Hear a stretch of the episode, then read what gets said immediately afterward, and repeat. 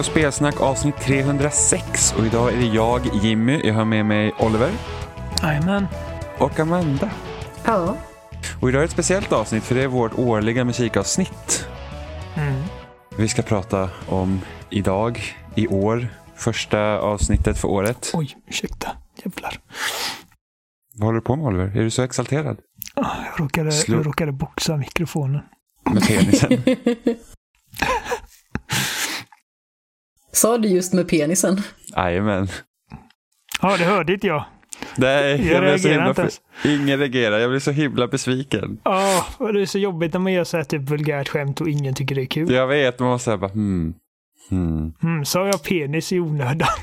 ja, eller hur? Tog jag den här ordet i min mun? vanära. Åh, gud. Jag måste bara säga på förhand så här att jag tycker att i år har det varit ett relativt tråkigt musikår. Ja, jag håller med. Jag, jag, alltså, det brukar finnas några så här, liksom, så här, riktiga, liksom, så här, det här är typ fyra, fem stycken som man, man, så här, uff, man kan lyssna på det hur mycket som helst. Och i år var det Mm. så här, ja det kanske är en eller två. Det är framförallt en som jag tänker på, som Ja. jag har lyssnat på mycket. Ja, men det är liksom så här att alltså, 2017 var helt sjukt. Det var så här Persona 5, det var Zelda, det var Cuphead, det var Mario Odyssey. Det var liksom en kavalkad av bra musik. Och förra året var det Celeste. Ja, och massa annat. Men jag tror att jag brukar under december månad spela, liksom ta igen några titlar liksom så här som jag missade under året och jag har inte hunnit i år. Så att det liksom har, jag har inte hunnit spela lika mycket. Vilket har gjort att det har liksom begränsat lite. Nej, jag tror att... Eh, alltså när vi började snacka om eh, årets spelmusik så jag bara kände att jag har inte så jävla mycket att säga i år. Alltså det var inte jättemycket som var superminnesvärt om man säger så. Alltså det är framförallt Nej. två titlar som jag känner som jag har spelat själv som verkligen var riktigt minnesvärt. Men den ena har ingen annan spelat. Eh, och den andra kommer vi säkerligen prata om en hel del liksom. Mm. Nej, men jag tror Mm. att det enda som liksom, när jag tänkte på det, som stod ut eh, för mig bara liksom i huvudet med en gång var eh, Pull My Devil Trigger från, eh, från Devil May Cry 5. Mm. Det är typ det enda som jag minns liksom, som, alltså, ja, som står ut. Men eh, annars har det varit ganska Ja, nej jag vet inte. Mm. Jag vill inte säga liksom, jag vill inte säga att lamt eller liksom typ bristfälligt. eh, för Kanske att, inte lika minnesvärt som sagt. Nej, precis. precis. Det, det är väl det bästa sättet att beskriva det på. I- eh, Ingen dålig musik så sett. Det, det är klart att det är det. Eh, Det är bara att... Men det, är liksom, det, det saknas lite det där lilla extra. Mm, Men det finns några coola, coola grejer i år och jag har i vanlig ordning den lilla hatten med lappar. Så vi, för er som är nya så brukar vi göra så att vi drar ett spel och sen så pratar vi om det och sen så kommer ni också få höra en massa musik. För det, musiken får tala för sig själv helt enkelt. Alltså Jimmy Eh. Seppele, har du en faktisk hatt? Nej, det är en, potentiell, det, det, är en, det är en skål. Det är en potentiell hatt. det är en potentiell, man kan ha det som en hatt, man kan faktiskt, jag tror På den här passar mitt huvud om jag skulle hatt. vilja. Men när vi, eh, när vi började med det här, det här liksom lappdragandet, då hade jag hatt. Som jag drog det nu, men den hatten har jag inte kvar. Vad, har du för, eller vad var det för hatt? Det var en blå hatt, eh, en, det var en blå topphatt med en röd blomma på. Jaha. Mm, väldigt tjusig och fin. Eh, Måste men jag tycker vi kör igång. Nu kommer det säkert bli så här att det första spelet jag drar kommer jag säga att nej det där vill jag inte prata om först och så kommer jag sitta och dra lappar tills jag får ett spel jag vill ha. Vad är I poängen vanlig med... ordning. Ja, men därför att det är så här att jag vill typ inte börja med något så här obskyrt som jag vet att jag kommer få sitta och babbla själv om typ. Ja, Okej, det här var faktiskt ett ganska bra spel att börja om typ. Eh, första spelet ut är Apex Legends.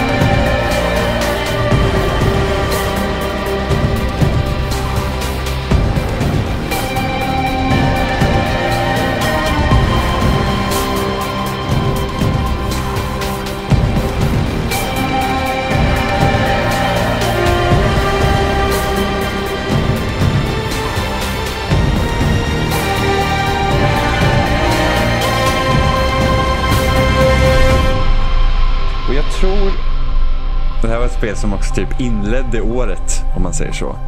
Eh, och Apex Legends är ju ett sånt spel som egentligen inte har så här typ att wow, det har så himla mycket bra musik. Men den har ju den här när man för de som inte vet så är Apex Legends är ett Battle Royale-spel så man hoppar ut genom ett skepp i början. Och jag tror att det kan ha en av de peppigaste låtarna när man liksom innan ett spel startar.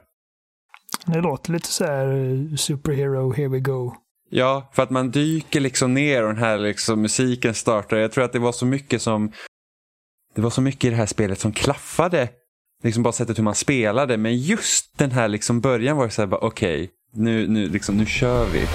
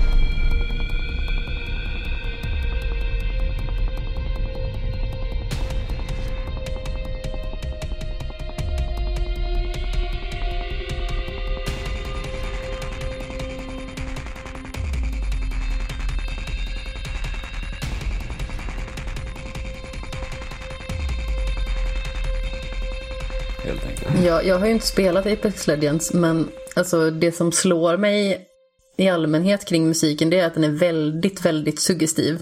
Och jättepeppig. Mm. Mm.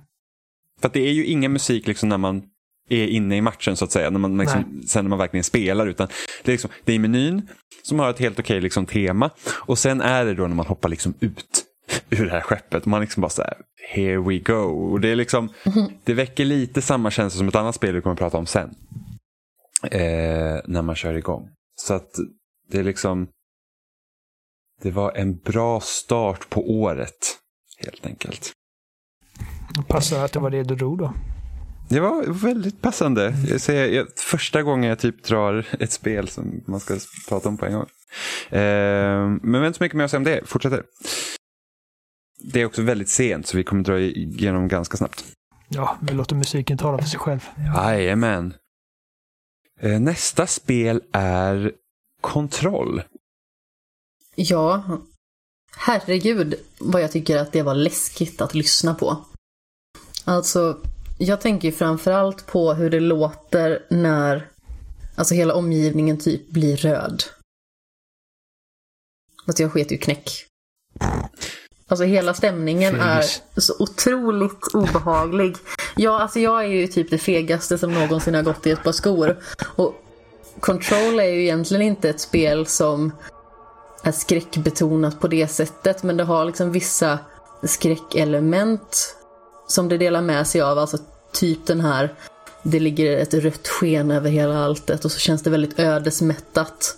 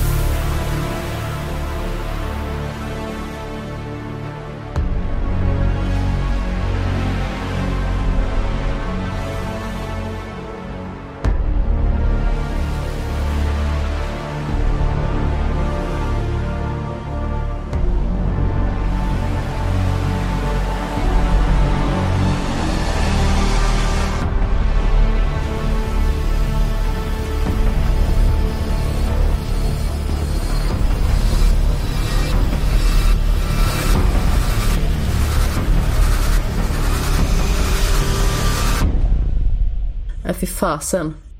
Men just ödesmättat känns som liksom en genomgående kring musiken. Ja, och sen till skillnad från liksom Remedys andra spel så är det, det här har ju, alltså musiken i spelet är ju inte egentligen mycket till musik man lyssnar på utan det är ju mer ljud. Stämning. Som spelas i bakgrunden. Det, det är liksom, du har typ en åtta minuters lång liksom, spår som bara är liksom så här, typ att det låter som ett muller och blandat med eko som liksom väldigt passar in i de eh, miljöerna man rör sig igenom. Uh, jag, alltså, jag minns ingenting från musiken i Control. Men du, du måste ju ändå komma ihåg, jag tror att du inte har kommit så långt Amanda, men i slutet av spelet så rör man sig genom den här labyrinten. Mm. Jo, och då spelas, det, det minns jag. Då, då, spelas ju liksom en, eh, en låt av de här, eh, vad heter po de? Poets of the Fall. Precis, och de Men, har ju alltid en låt i Remedy-spel. Förutom i Quantum Break. Ja, men det spelet Tyvärr. pratar ingen om. Jag tröttnade ju eh. lite grann på att spela Control. Så jag har ju spelat mycket annat. Jag känner på något vis att jag vill ta mig tillbaka och faktiskt spela klart det. Men mm. det bär faktiskt lite emot för att jag var jätte, jättepepp på spelet i början. Men efter ett tag så falnade den känslan så himla mycket. Och sen så känns det som att jag nästan inte längre har någon relation till det. Det är jättekonstigt. Alltså jag känner, eh, vi har pratat om det här lite förut, liksom hur vi inte riktigt stämmer, stämmer in med liksom hyllningskören för spelet. Eh, även om alltså jag personligen givetvis respekterar spelet eh, något oerhört. Eh, men jag känner för musiken ungefär som jag känner för resten av det estetiska i spelet, att det är ganska anonymt och eh, liksom förutom det som Jimmy nämnde då, alltså den låten som, eh, som spelas med Poets of the Fall. Jag vet inte, jag tror inte den är skriven för, för, för vad heter det, för spelet. Jag tror att den, det är en av deras vanliga skivor den dyker upp på. Nu kan jag ha mm. fel, men jag har för mig det i alla fall. Och, uh, så jag räknar inte det till spelets soundtrack. Uh, låten tycker jag om, jag gillar det bandet jättemycket. Men det, det är ju liksom höjdpunkten det, alltså i spelet. Det, det är definitivt spelets bästa del. control.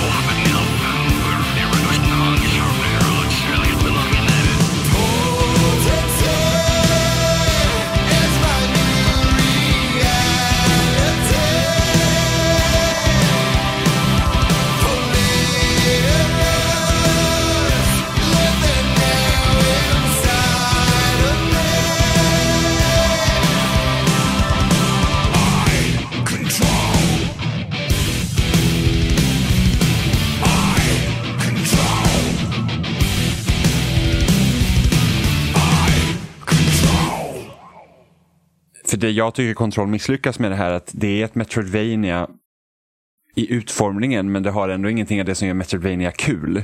Nej. Just med tanke på typ att alla de här eh, eh, alla de här eh, liksom modsen och sånt man tar upp, det är liksom random. Det finns liksom inga uppgraderingar att leta efter, utan du bara för dig igenom den här liksom grejen.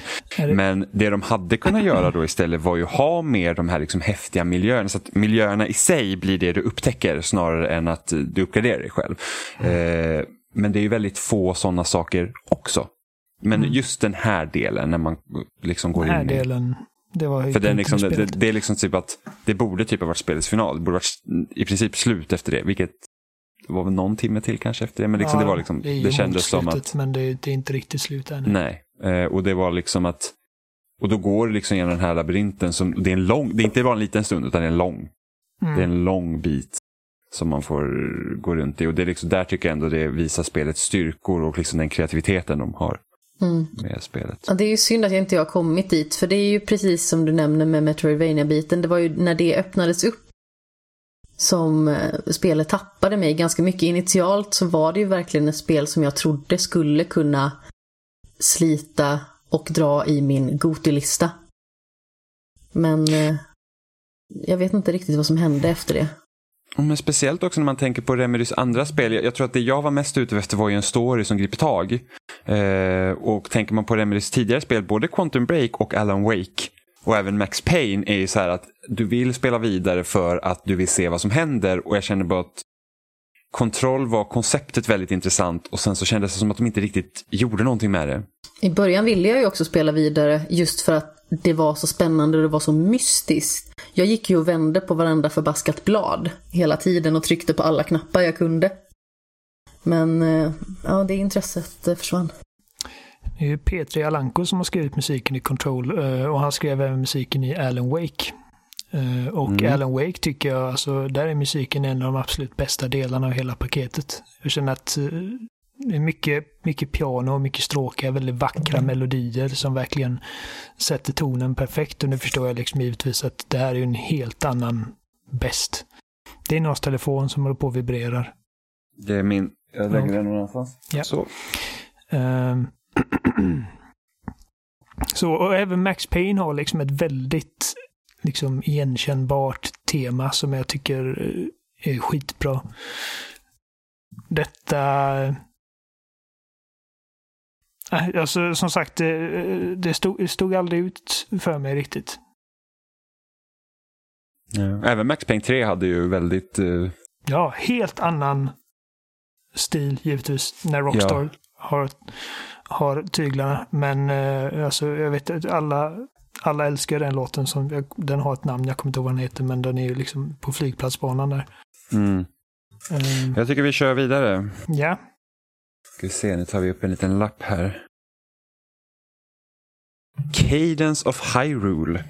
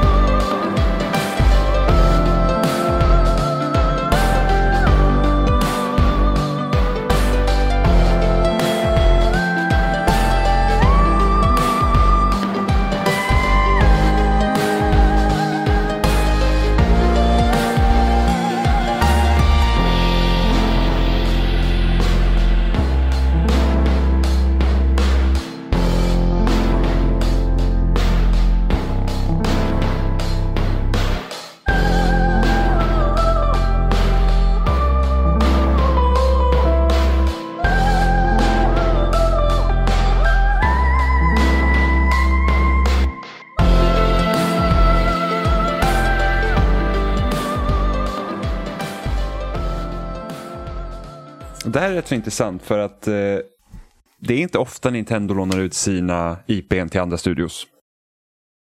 På det här sättet. Och speciellt Nej. inte Zelda. Eller ja, om man inte räknar typ så Philips CDI och sen Hyrule Warriors. Men det här var ju ändå en västerländsk liten studio.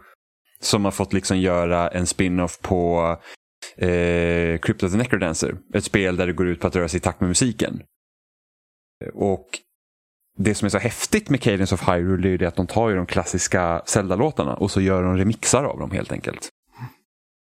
Så bara det Exakt. när man startar upp liksom spelet och man kommer in i menyn och man hör det här, precis samma melodi som när uh, Ocarina of Time startar. Eller liksom det här typ, alltså du väljer Jo, men precis. Och, och, Ocarina of Time, när man, när man, innan man trycker på start. Den liksom, eh, låten spelas i, i menyerna först. Och liksom så bara, men det är liksom inte riktigt den, för att det är någonting annat. Och det gör det väldigt spännande, tycker jag. Ja, alltså det känns ju fortfarande Zelda.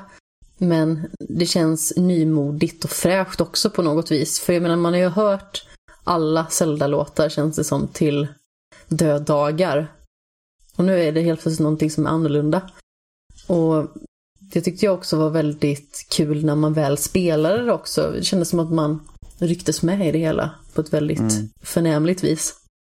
Men just också när de har det här med att du ska spela i takt med musiken så gör det att mus- musiken har så stor roll i själva spelet. Och sen är det så kul med Zelda för att musiken har alltid varit eh, så liksom eh, i framkant i den serien. Just med att de typ items du hittar också liksom Ocarina från Ocarina of Time eller du har den här eh, pinnen i Wind Waker och, och det är även instrument i eh, i A Link to the Past och även i eh, remaken av Link's Awakening. Prosit. Tack. Eh, och sen även när man går ut liksom i, i när man rör sig på kartan liksom. Om man hör Overworld-temat så är det liksom så här, åh, det är bara amazing.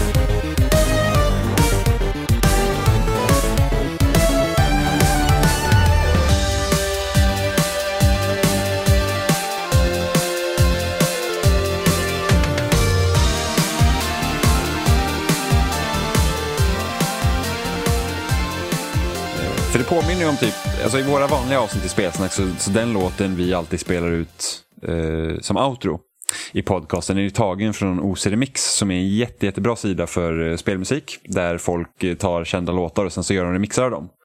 Eh, så det känns liksom att det platsar in där också. Det är liksom inte bara, alltså det är väldigt högkvalitativ musik som är gjort i spelet. Jag tror även var när de gjorde Street Fighter 2 Turbo HD Remix på 360. Så tog, så fann, så tog de, alltså lånade, eh, eh, vad säger man, musiker från OC Remix-sidan och frågade liksom om där fick göra musik till det spelet. För det finns flera av de låtarna finns på den sidan också som man kan lyssna på. Men eh, det är ändå kul. Jag hade ändå hoppats att, eh, att eh, Nintendo lånar ut sina IPn fler gånger. Till andra studios där de får liksom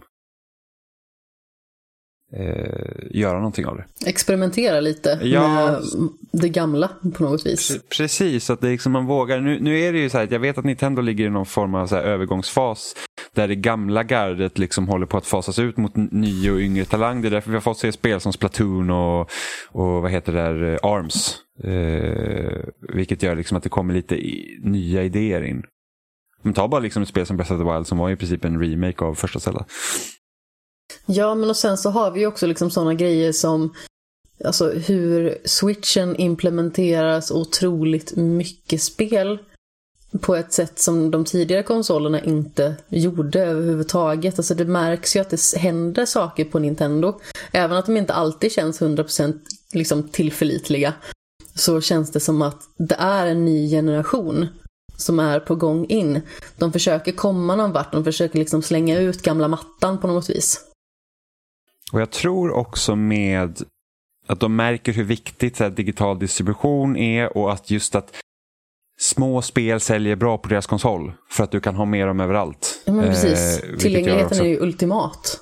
Precis, så kan man då, och knyter man då till sig studios som ja, men de som har gjort eh, Crypto the Necrodancer och fick göra Cadence of Hyrule så är det liksom så att okej men om de får arbeta med Nintendos grejer så finns ju chans, alltså stor chans också att de kommer släppa andra spel på maskinen för att det liksom funkar för dem.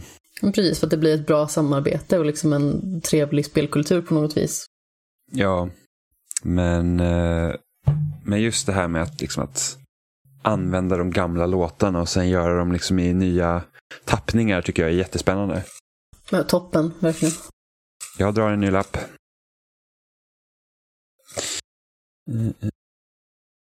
Ja, det passar ju bra. Nästa spel är Le- Legend of Zelda Link's Awakening. Thank you.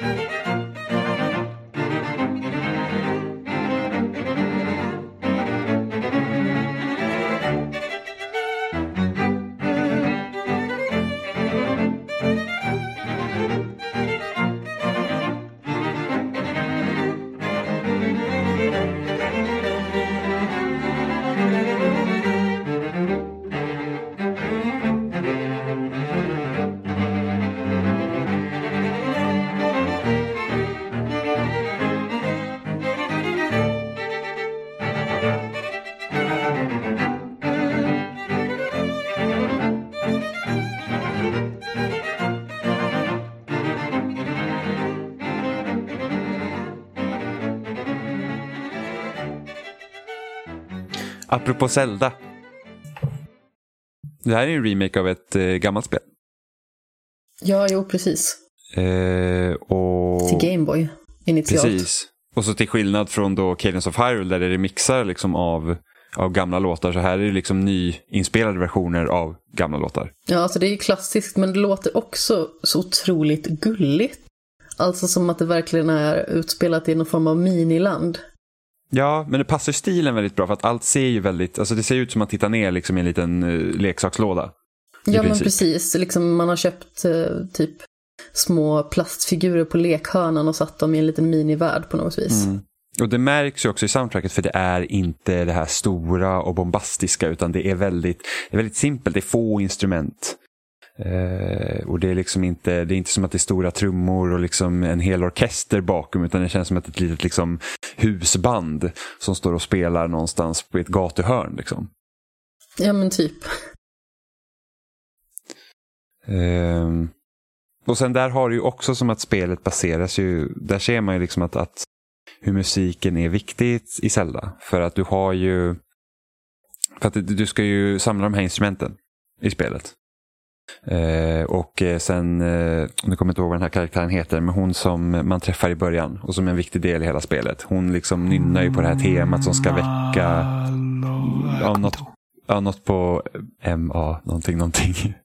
Eh, för att hon nynnar ju på den här låten som ska hjälpa till att väcka upp den här, eh, som ska öppna upp vägen liksom till ägget. Eh, som också är en otroligt eh, viktig del i, i spelet. Jag gillar Battle of the Windfish, den är fin.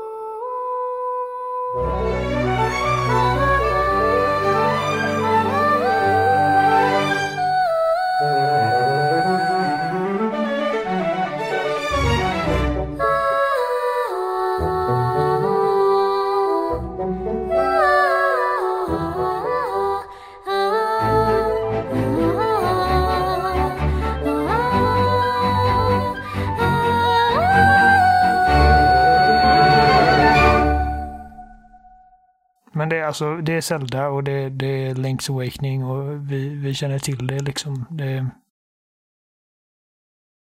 jag känner inte att det finns så mycket man kan säga om det som inte redan sagts.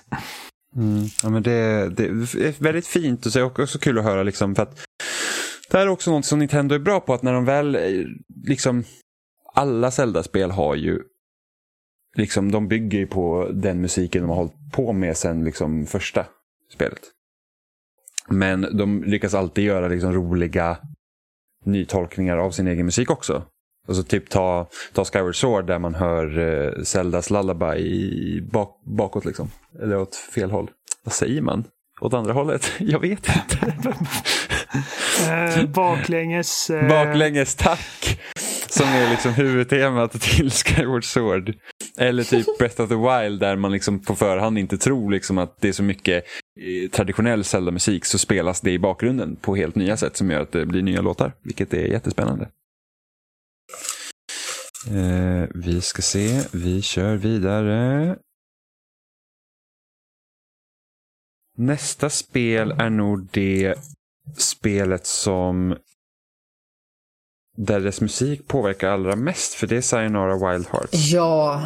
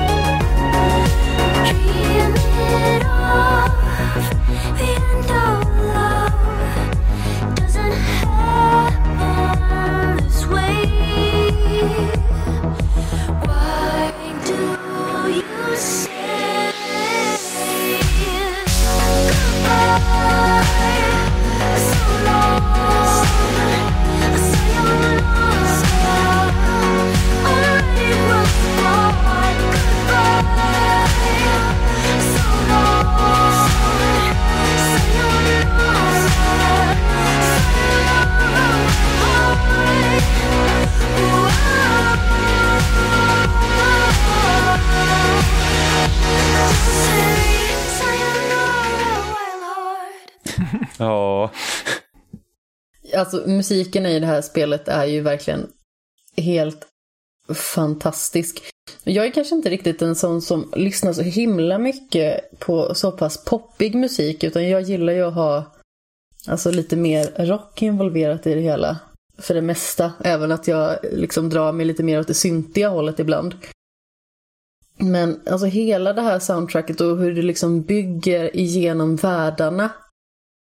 Och hur det får en att känna i världen. Det är liksom helt underbart och det finns så många olika typer av stycken. Alltså det finns ju några mellansekvensbanor som är lite kortare. Eh, och de är oftast väldigt intensiva.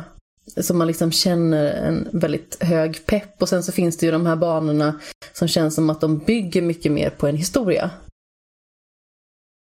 Och det är liksom så fantastiskt att vara i världen och lyssna på musiken. Och det här är typ den spelmusik jag har lyssnat mest på någonsin.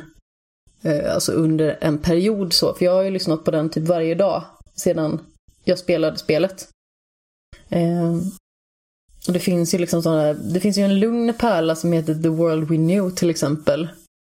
Eh, som är väldigt emotionell och sen så finns det eh, en låt där man färdas genom skogen som heter Dead of Night som istället då är alltså väldigt, väldigt tryckande och intensiv. Och man känner liksom att det är någon form av jakt för man blir ju liksom eh, konfronterad av liksom en stor robotvarg eller vad man ska säga.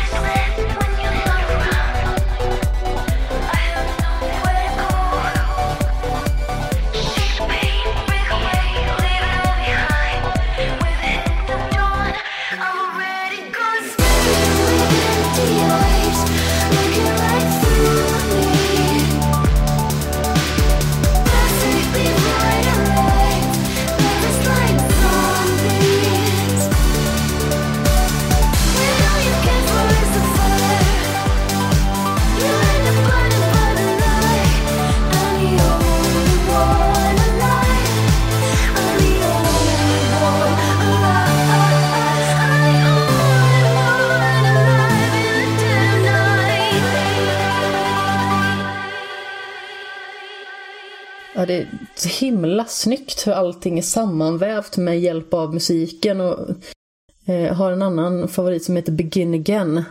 Så varje gång refrängen kommer så flyger man.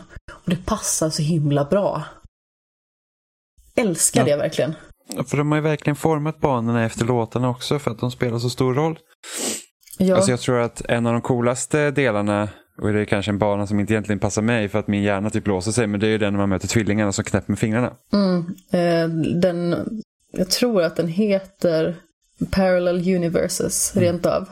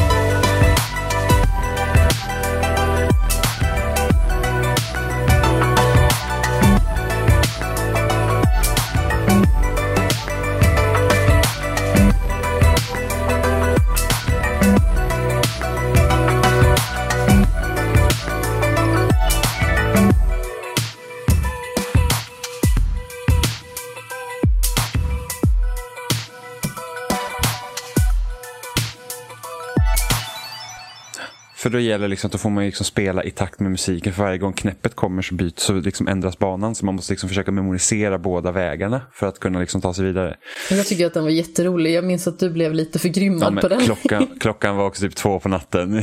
så mycket var det nog inte. Den var jättemycket. Äh, kanske var sex på morgonen. Jag kommer inte ihåg riktigt. Sluta. Så att eh, det var... Så att det är nog ett av de spelen från i år som verkligen eh, satsar helhjärtat på sin musik för att det är en så stor del av grejen. För att du, du spelar i princip ett popalbum. Ja men precis, det är ju även så det beskrivs. Mm. I mångt och mycket alltså, från sin Mogosira liksom. Ja, för det påminner lite om så här typ att... Eh, för att det finns ett spel som heter Audiosurf. Där man kan liksom ladda upp egna mp3-filer och så spelar man de låtarna. Och ibland så har det varit så att jag lyssnar i princip på album genom det spelet.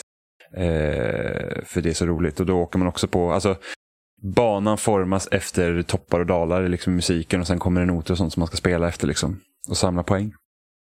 Eh, så det påminner lite om det, förutom att här är det ju då som sagt det är ju mer anpassat efter sin egen musik eftersom banorna är gjorda efter den. Men, eh, men det är kul. Ja, och jag tycker man... det är så fint också hur man känner mer och mer att ju längre in i spelet du kommer, desto mer känner du dig beroende av musiken i ditt spelande. För i början så tänker inte jag så mycket på takter eller på hur jag ska spela för att det ska vara mest fördelaktigt. Utan det är efter ett tag när man helt plötsligt kommer på sig själv att jag spelar i takt till musiken. Mm. Och det blir ju mycket lättare också. Ja, gud ja, absolut. Om, om, om man inte har värdelös taktkänsla, för det vill säga. och då är det lite olyckligt. Väldigt olyckligt. Men det är, det, det är liksom spännande ändå att man, för att jag, jag gillar ju när spel gör sådär, att de, de sätter musiken liksom i liksom framkall. Alltså förra året var ju Gris till exempel där musiken hade väldigt stor eh, inverkan på hur banor utformade och sen har man ju hört liksom, historier från hur utvecklingen av Journey gick till när liksom, Austin Winter kunde skicka liksom, eh, musikstycken och de ändrade liksom, banor eh, ut efter hur låten var skriven och tvärtom. Ja, men precis som jag nämnde tidigare, så förra året så hade vi ju Celeste också. Och det finns exempelvis en låt som heter Anxiety.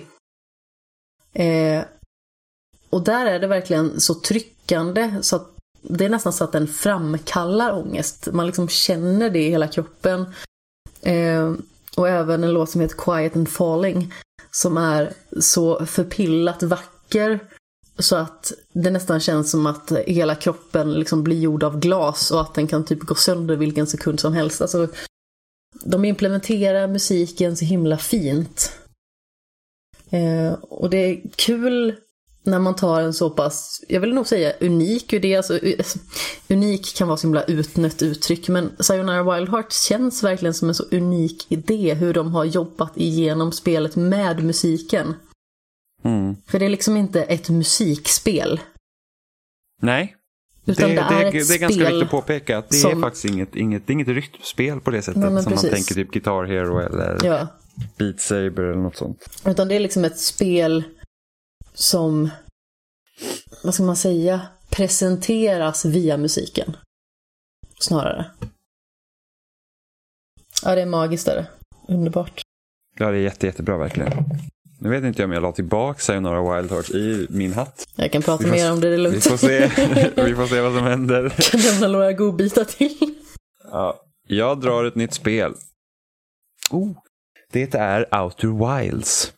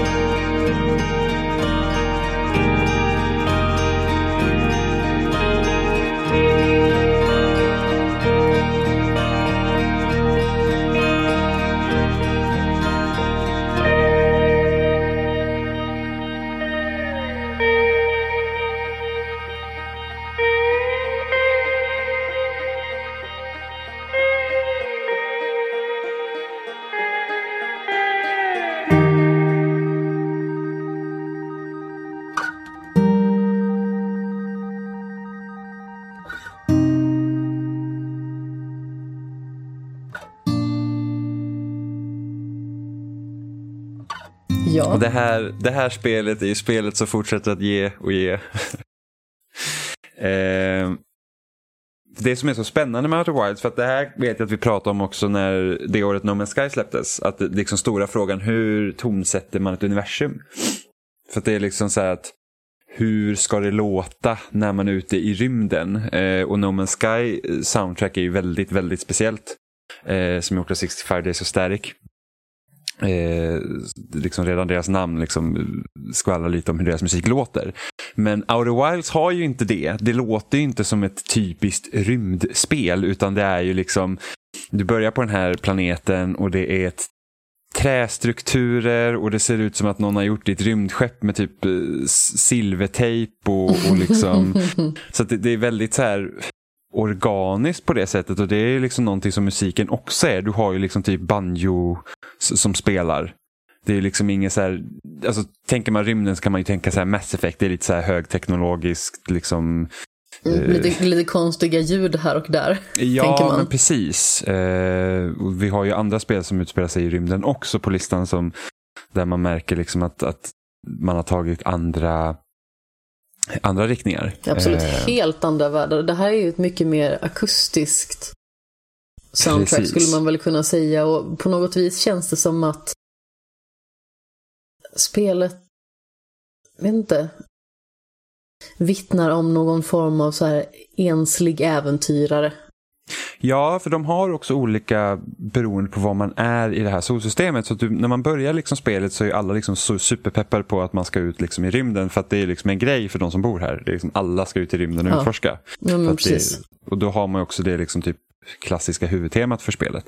Eh, sen så när man till exempel kommer till, ja men typ solstationen har en helt annan liksom ton i sig just på grund av att här får man reda på vissa viktiga delar över vad som är det som händer i det här mm. solsystemet. För att kruxet med det är ju det att var 22 minut så resettas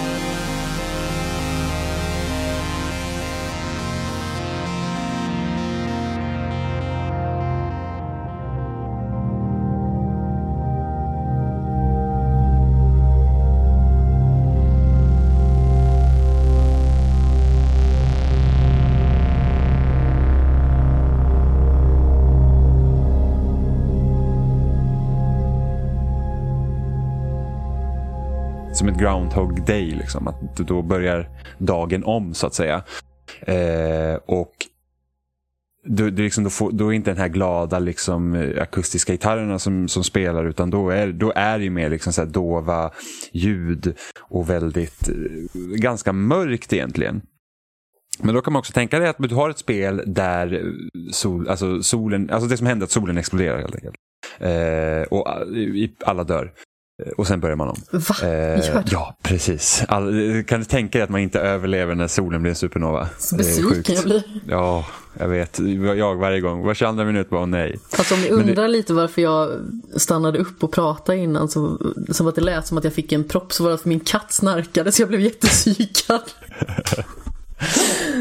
det kanske hände igen. Propp. Men det som händer när solen börjar då att dra ihop sig för att sedan explodera är ju det att då, då, då kommer också musik som spelas.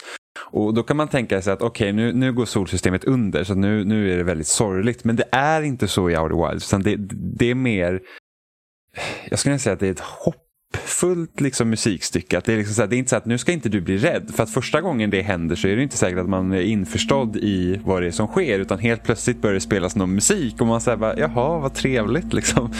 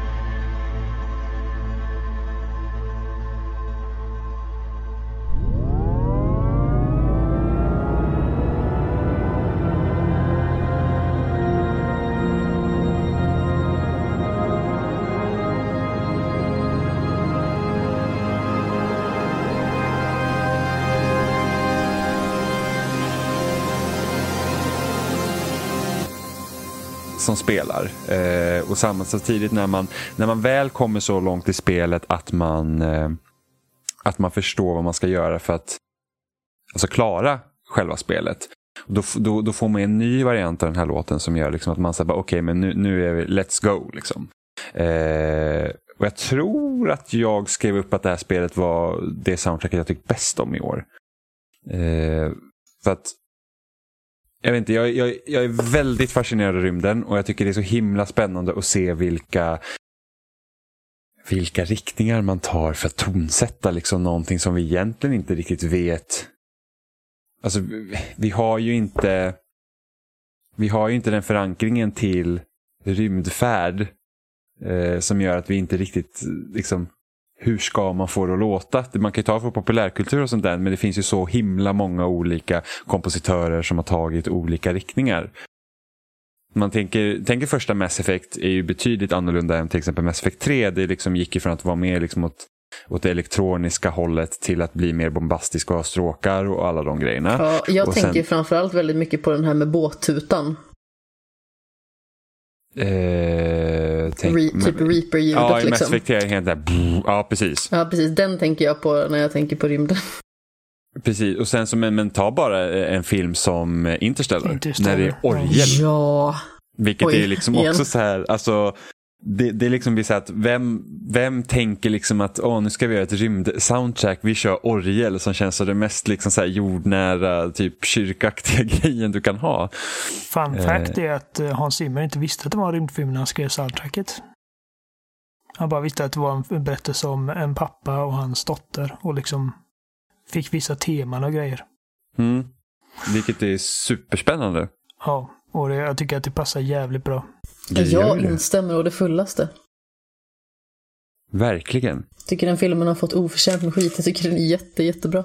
Jag tycker också den är bra. Nej, men alltså, jag, jag, jag hör inte ofta att den är dålig. Jag tror att, eh, tror att det är folk som... Ja, vi ska inte gå in så jävla mycket på Interstellar. Jag tycker också den är bra. Det, det, är liksom, det är vissa grejer som... Det, vad heter hon? Uh, Anne, Anne Hathaways liksom, eh, typ kärlek som en sorts quantifiable kraft eller vad det var, henne, det talet. Som är lite bajsnödigt. Ja, men jag, jag tror att, jag tror att eh, Christopher Nolan hamnar lite i samma fack som Hideo Kojima, att han är väldigt förtjust i sitt koncept, vilket gör att det blir väldigt mycket exposition och karaktärer Mm. som bara är där för att berätta Mm. hur det ligger till och sen så kan man göra sig av med dem, vilket kan vara lite tråkigt. Jo, Eh, men det är väl det är lite som samma sak med Memento typ- egentligen. Ja, Där är Mm. liksom konceptet så himla centralt. Jag tycker ju inte att den filmen är speciellt intressant därav. Ja Ah, men jag den, är inte, jättebra. den har inte lika stort scope heller.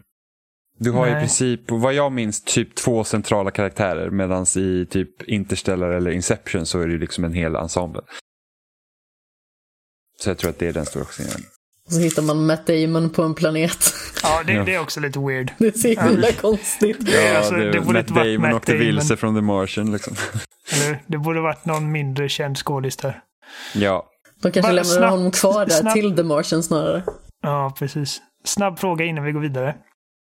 Helt off topic. Vilken är Christopher Nolans bästa film? Säg vad Eh, den första jag kommer tänka på. Jaha, The Dark Knight Rises tänkte jag först på. Gud, ja. jag gillar den filmen. nu blev jag ju helt ställd för vilken är det som jag tycker är bäst egentligen. Eh, Vilken tycker du? Inception. Okej. Ah, Inception, Ja, Dark Knight och Prestige tycker jag är hans alltså jag blev verkligen satt på Prestige, jag, är, pottkanten jag är jag. väldigt förtjust i Dunkirk. Dunkirk Nej, är också bra. eh, The Prestige är min favorit. Mm. Dumt Mm. av mig. Alltså, jag gillar alla hans filmer, men det är... Ja, Mm. jag var bara nyfiken. Vi kan gå vidare. Var det Christopher Nolan som gjorde Insomnia också? Ja, och jag har inte sett den. Ja, den, den, jag, jag såg den typ på en sån här liten VHS-TV i bilen på Mm. väg till någon travbana för typ 16-17 år sedan. Nej, jag har inte sett den. Jag har försökt hitta den liksom både på streaming eh, services och på liksom olika hyr eh, och jag har kollat efter den om jag kan hitta den på Blu-ray. Jag hittar den ingenstans. Kör lite, lite jar. Ja, precis. Vi fortsätter. Men visst är den ganska så tidig i hans... 2002 va? Efter eh, Memento var det va, tror jag. Jag tror den kom 2002. Om jag inte minns helt fel. Ja, Med det Robin låter Williams bekant. och Al Pacino. Jag har inte sett den. Vilka, två, vilka enorma stjärnor liksom. Robin Williams och Al Pacino. Ja, det, men det, det var en skum film. Mm. Nästa spel är faktiskt eh, ett tips från en lyssnare. Vi fick från Isak i somras. Men som Som är My Friend Pedro.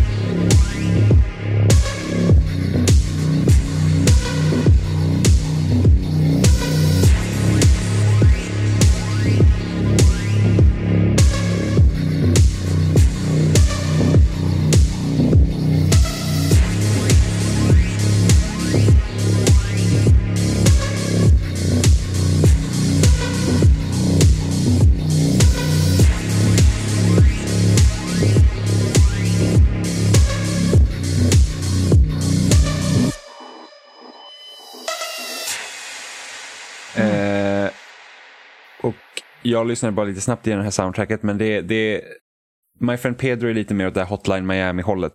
Eh, ja. Inte lika brutalt svårt men det är liksom så här typ att ah, du ska döda en massa gubbar. Och eh, soundtracket är liksom därefter. Det är ett väldigt elektroniskt soundtrack. Eh, inte lika liksom, det är ganska dovt. Det är ganska mörka toner. Eh, jämfört med vad man, alltså Alltså Hotline Miami kunde ju många gå upp liksom i riktigt så här Speciellt ettan var det liksom höga, höga beats. frekvenser. Och, ja, precis. Hela grannskapets hundar bara vaknar på samma Ja, väldigt mycket techno medans typ eh, tvåan så blir det liksom mer och mer melodier och sånt. Men, det, men My Friend Pedro hade ett ganska intressant soundtrack. Jag kan tänka mig att det kan vara väldigt häftigt när man väl spelar det. Jag har heller inte spelat spelet så eh, jag, jag är inte helt säker på hur det låter. Det är ganska bra observation för att det, är sällan elektronisk musik kör på liksom det nedre um, ska man säga, skadorna på att säga, men det, det, är inte rätt. Ni förstår vad jag menar. Mm. Det är oftast det ganska skrikigt liksom. Ja, det är väldigt då. Det verkar så här, jag vet att Hotline Miami har några sådana, men det är liksom, det går ju över till någon så här, nästan psykedelisk grej, liksom typ. Alltså det finns en jätterolig video med, med Hotline Miami. För att, alltså, den musiken är väldigt tung. Alltså det är något som sätter man på den och har en ordentlig baslåda så, är det liksom så att då raserar det ett helt hus. Liksom. Eh, men det finns en, en liksom film med Peppa Pig och Peppa Pig är den här lilla grisen som småbarn tittar på. Mm. Och där är liksom så här typ att eh, Åh, vilken musik lyssnar ni på? Så här. Och då säger de någonting och sen så kommer ah, jag tycker om det här är jättebra och så slår hon på och så kommer så här Hotline Miami-musiken och det är så absurt för det är liksom inte något man känner sig att åh, det här är typ barns favoritmusik. Jätteroligt. På ingenting. Vi fortsätter. Ja. Eh, jävlar, jag har vikt dåligt de här lapparna. De går in i varandra. Det var det värsta. Nästa spel är Far Cry New Dawn.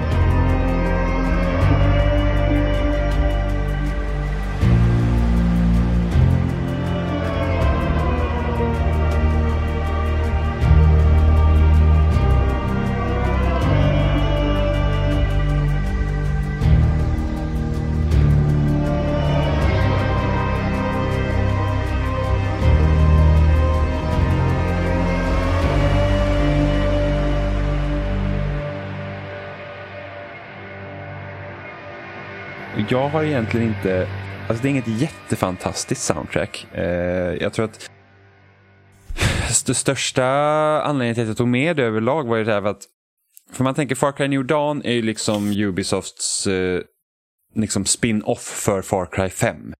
Eh, och tänker man typ att Far Cry 3 fick ju Far Cry Blood Dragon vilket var väldigt sån här eh, spel som verkligen körde hårt på sin stil.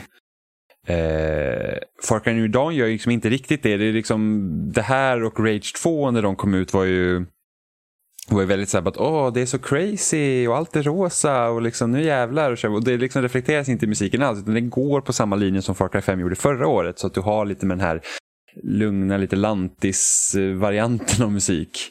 Eh, med en twist. Så att det liksom kommer, du har typ Far Cry 5 liksom man hör ganska tydligt att det kommer därifrån men sen så ligger liksom kanske lite elgitarrer i bakgrunden eller, eller lite annan elektronisk eh, musik i bakgrunden som gör att det spelet faktiskt väldigt, alltså musiken blir väldigt speciell på grund av det. Så det är en ganska, ganska nice blandning faktiskt. Eh, och sen är det rätt så kul för Ubisoft har ofta väldigt bra musik i sina spel. Jag fortsätter. Vi går igenom de här spelen i rasande takt. Nu ska vi se. Jag väntar med spänning. Ja, jag vet. Jag med. Jag med. Vad, vad ska det bli? Nästa spel är ett litet spel som släpptes på Switch i våras och det är Baba Is You.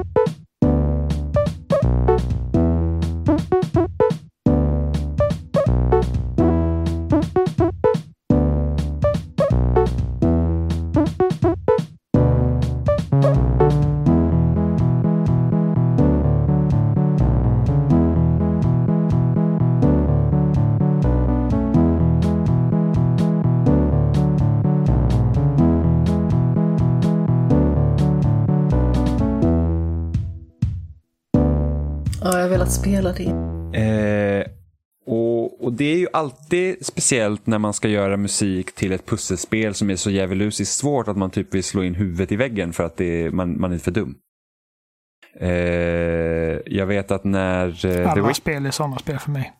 alla, sp- alla, nej, alla spel Oliver. Tetris! alla spel. eh, men typ The Witness, när det släpptes, det hade ju ingen musik överhuvudtaget för att risken är att det blir liksom för distraherande när man spelar för att man måste tänka. Och Baba Is You har ju liksom inget soundtrack som på något sätt är irriterande. Det är ganska liksom ett, det påminner mig kanske så liksom ganska tidig spelmusik. Det är ganska simplistiskt Ja. sådär. Alltså det är lite så här smyg-blipp-bloppigt. Ja, smyg, blipp, blopp. Nej, men alltså, sen så låter det som Smyger typ in med blipp. sina blipp och bloops. Det låter som någon form av så här blipp-bloppig spionmusik tycker jag. Ja, men ba Baba är lite, Lite lurig. lite, lite lurig. Eh, men det är sånt här trevligt liksom.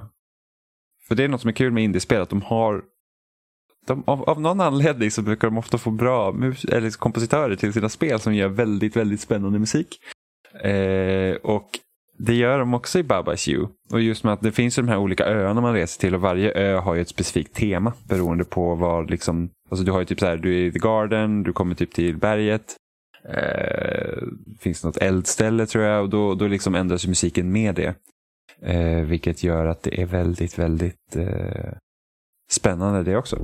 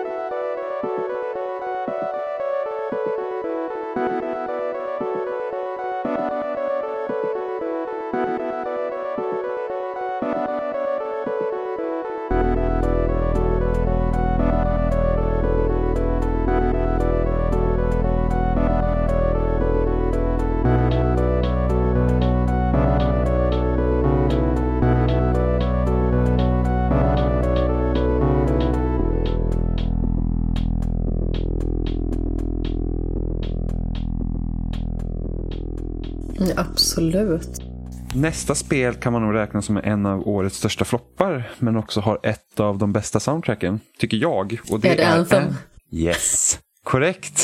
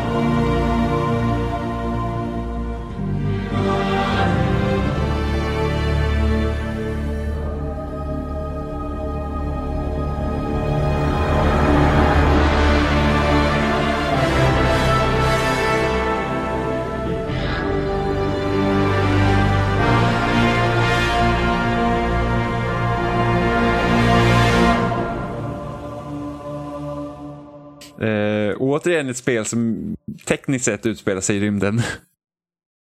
Ja, alltså det är lustigt med det här spelet för att det känns ju på något vis som att när man lyssnar bara på musiken, vilket jag också har gjort, eh, så känns det som att det finns någon form av så här djup underliggande mystik. Vilket också blir så himla paradoxalt, för det känns ju som att spelet verkar vara så himla ytligt. Ja, för det här, det här har lite samma problem som Destiny hade när det kom. För att Destiny var så att det har så bra musik och sen så var spelet väldigt så här... Eh. eh. Det är samma sak med Anthem, för Anthems musik är otroligt bra. Eh, det, är liksom, det, det blandar liksom körer med stråkar. med stråkar och sen har du, och det här är något som inte alls är vanligt, de, de liksom använder de böjer på sången så att säga. Så att det liksom blir, eh, på något sätt tweakar de det. Eh, så att det liksom, vad ska man säga, det blir som ett, som ett statiskt brus i rösten. Så att det liksom, den darrar på ett, vad ska man säga, elektroniskt sätt. Eh, och det är någonting som inte alls är vanligt. Jag tror det närmsta spelet jag kan tänka på det är Remember Me som släpptes eh, för herrans massa år sedan. Det var faktiskt Don't Nods debutspel tror jag.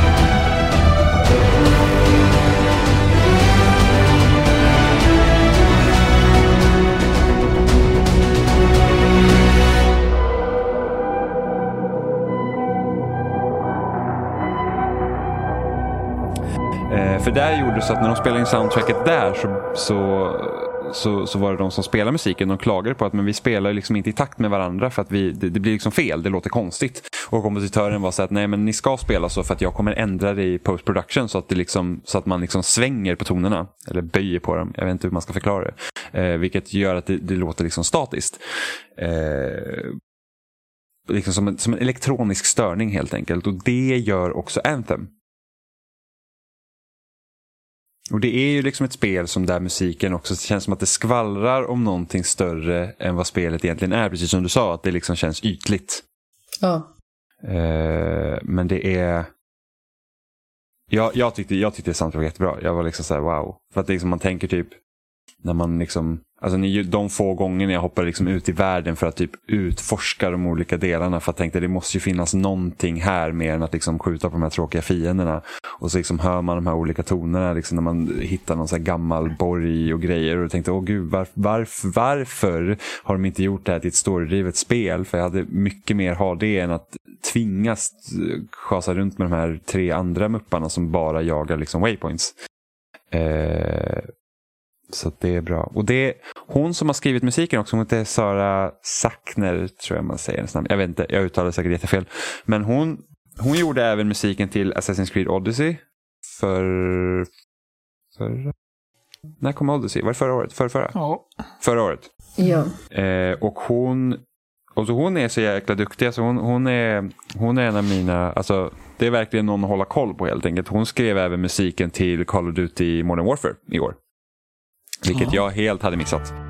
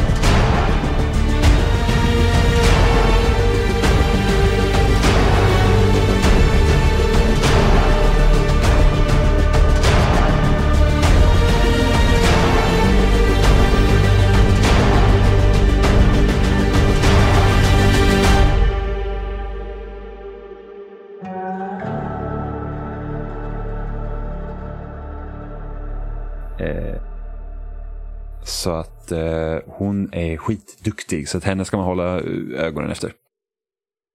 Jag fortsätter dra i min lilla låda här. Gjort. Är det en låda nu helt plötsligt? Ja, men det, det är vad det är. Det är vad det är, Amanda. Det är vad det är. Mm. Jag kanske så byter. Jag kanske har liksom tre olika lådor här. Eller lådor och hattar och skålar och bakfickor. Nästa spel är Gears 5.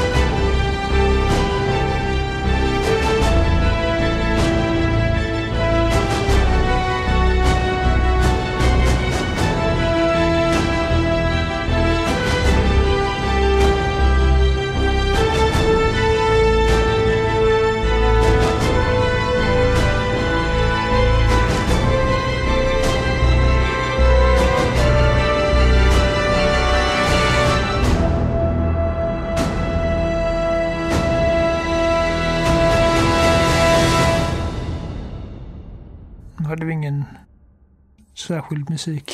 Alltså jag tror det mest, jag tyckte det var mest spännande med Gears 5. Ett, musiken i femman var ju betydligt, eh, alltså ett steg upp från fyran. Så fyran hade jättetråkig musik. Mm. Eh, men det jag tycker var mest intressant med femmans musik var det att de tog Precis som Nintendo gör med Zelda emellanåt när de har liksom sina, i Breath of the Wild när de körde gamla teman i bakgrunden så det lät som nya låtar. Så exakt samma sak gjorde Gears 5. Så de har de har den nya skrivna musiken och sen så kan man höra liksom toner av de gamla ledmotiven i bakgrunden.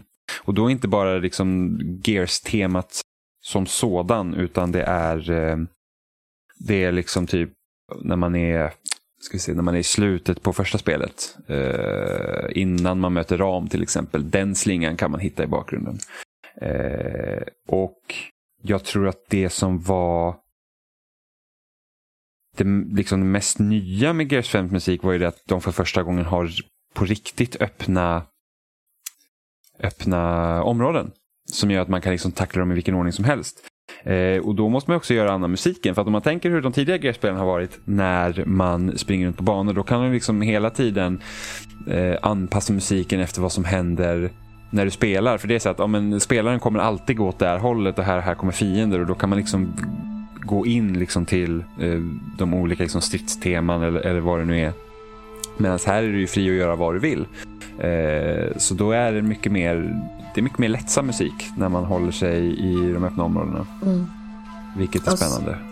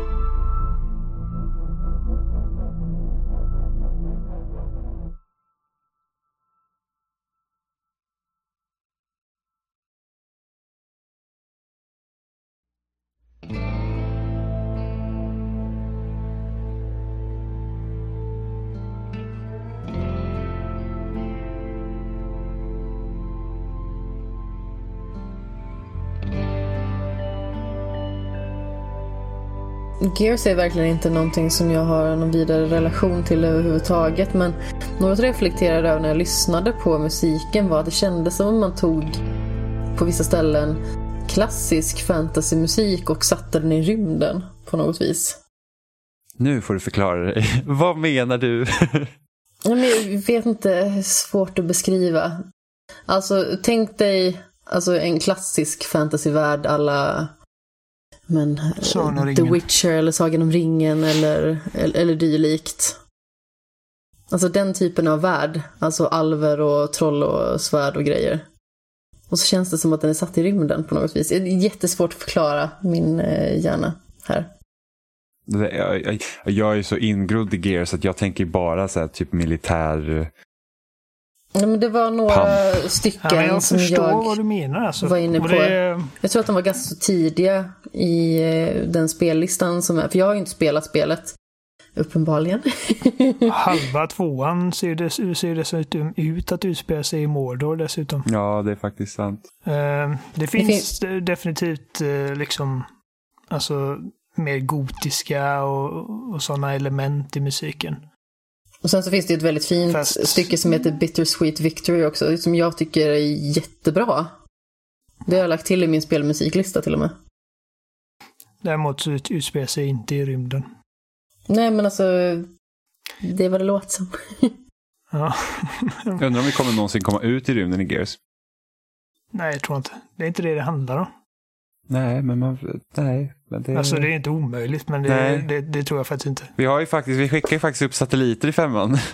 ja, men det gjorde vi ju för fan på, vad var det? När gjorde vi det i verkligheten? Alltså vi, alltså i, i vår värld? Ja. ja. Jo, men vi har också Nej, specifikt du. Vi har inte... Nej, jag skickar skickat till sci-fi och skicka upp satelliter. Nej, men vi har ju också varit ute i rymden. Det ska ju inte vara omöjligt att de tar en raket någon gång och typ kör till någon eh, station som orbitar runt. Alltså, Gears of War, det hade lika gärna kunnat vara jorden, förutom att det inte är jorden, det är Sera.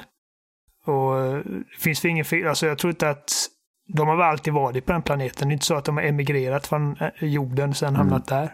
Nej, men du kan ju fortfarande, alltså, de måste ju ha någon, något rymdprogram har de, för de har ju för fan raketer. Ja, jo, det var de, de, har, de har missiler och... Det var en jättestor sån här rymdgrejsimojsi där i stora lagerlokalen man var i. Mm, ja, jo, men de har ju säkert... Uh... Jag lovar, innan Marcus dör så kommer man skicka ut honom i rymden. Jag Den klassiska rymdgrejsimojsen, ja. Ja, den klassiska rymdmixen. Rymdmackapären som man sätter sig i. Alltså, lite... Gears, Gears är inte Halo. I Halo så har du liksom fiender som kommer från andra planeter och du typ, de har rymdskepp och grejer. I Gears of War så kommer fienderna från uh, kärnan. Jo, fast samtidigt kan man liksom vara inne typ i en stor mask som är lika stor, som äter städer. Så det är inte helt farfetch att man någon gång kanske måste åka upp till en rymdstation. Okej, okay, det var en fast, det faktisk mask. Jag tänkte liksom en sån här mask som man har för ansiktet. Jag bara ja, nej, nej, alltså en praktiskt taget en jätte, mask. jättestor mask. Okej, okay, okej, okay, jag förstod. Typ, det kan typ vara ett av de roligaste grejerna i Gears någon gång, någonsin. För att de, de nej, har ju ganska rolig banter med varandra. Och sen så här att okej, okay, vi måste döda masken så vi ska liksom, vi måste vi måste hugga ut hjärtat igen. Så man går och letar upp det här hjärtat och så, så, så sågar man bort det. Och sen så hör de ett till eh, ett till hjärtslag, de bara, ah, det måste vara ett till hjärta, så hugger man ut det. Och så hör man ett till hjärtslag och så, bara, och så bara, men hur många hjärtan finns det egentligen? Och så rackar de ner på en annan eh, karaktär i spelet. How many more hearts are there bared? så jävla roligt. så dömande. Ungefär som att, ja. vad fan varnar du oss inte för? Ja. Men Nej. Gears 5, alltså det, en grej som egentligen är ganska intressant med Gears 5 musik, alltså om man jämför typ med trean som var det sista Prosit. Som, som, som, var det sista eh, spelet som Epic utvecklade var ju det att det, alltså, den musiken i trean var ju väldigt, väldigt bombastisk och det var liksom så här typ att ja, Alltså, femmans musik är mycket mer lågmäld. Du, det är liksom inte så stor, det är inte massa stråkar och trumpeter och grejer utan det är liksom pianomusik mycket. Och sen har vi typ... Ja, jo, sen har, jo precis. Yeah, ja, sen, sen, sen, har man ju all den där osmakliga skiten som de älskar. Den här typ Dubro-grejen som Gears of War aldrig kommer komma ifrån. Jag vet, det är så tråkigt för det är sådana som inte spelar spelen, de bara det är bara Dude Bro Shooter och det är ju inte det. Fast det är det. Nej, Eller? absolut inte. Det är det inte. Jag, jag, jag dör på den här kullen. men Jag försvarar Nej, Gears till min sista alltså, droppe. Liksom, rent storymässigt är det inte det, men då, alltså, du har ju alltid marknadsfört som en sån grej. Ja, jag vet. Och vilket gör att alla tror att det är så det är. Men, och det, det roligaste, det hänger ju kvar. För att jag skulle säga att Gears 5 är inte alls en dude bro shooter. Nej, verkligen inte. Liksom det, det, det, gått- har ju gått Annat långt från att att Cole liksom- rappar i eftertexterna till att liksom Precis. Kate eh, letar efter sin eh, liksom, eh, bakgrundshistoria. Typ. Alltså det, det, det är väl dude bro i det avs- avseendet att det är liksom väldigt våldsamt och yeah, sucker, typ uh, scratch worm grub och alla den här skiten som de också aldrig kommer ifrån. Jo. Ja, och sen Liksom så kanske... nya karaktärer som bara råkar Usch. ha liksom de föregående karaktärernas catchphrases när de mördar folk. Jo, Eller det. monster. Det är sant. Ja, vilket skit. Ja, det jävla... Sup bitches! Jag älskar Gears. jag tar en ny lapp här. Jag gillar Gears 5. Jag eh, min, minns ingenting av musiken bara. Borderlands 3.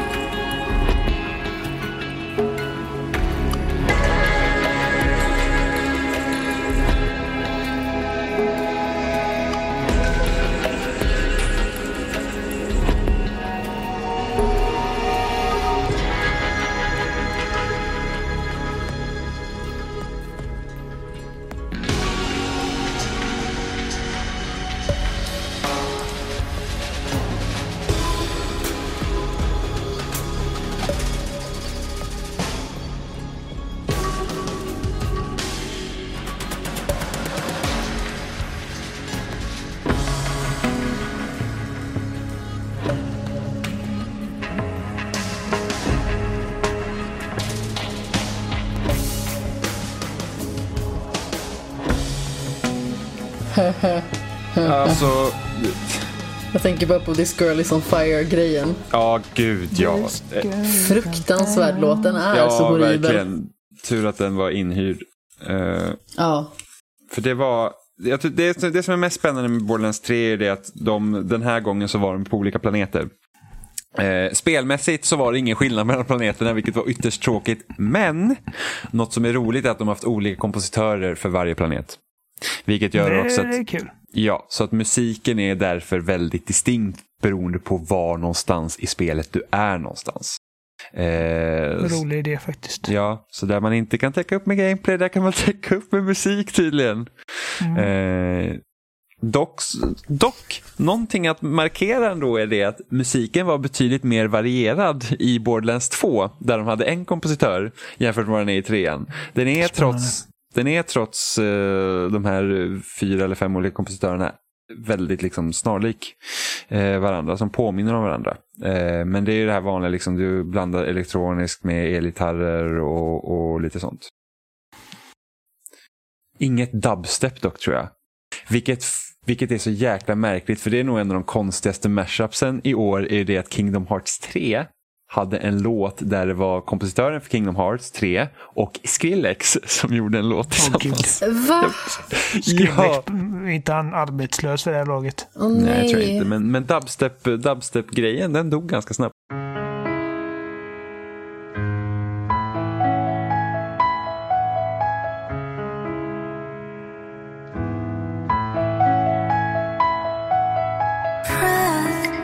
Should I take a deep Should I take a leap? Taste what a bit sweet. All.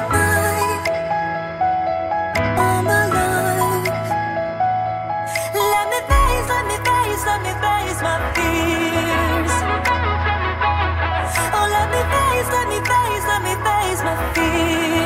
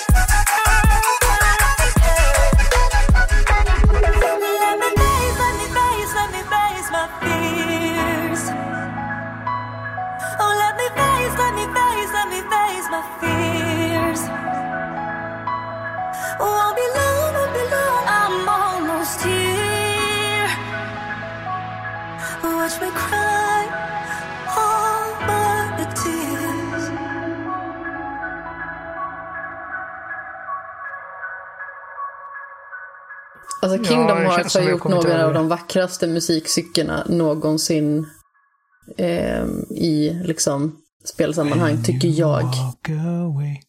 Ja, precis. Eh, Hikari, den engelska versionen. Nej, men eh, alltså, vad det den heter?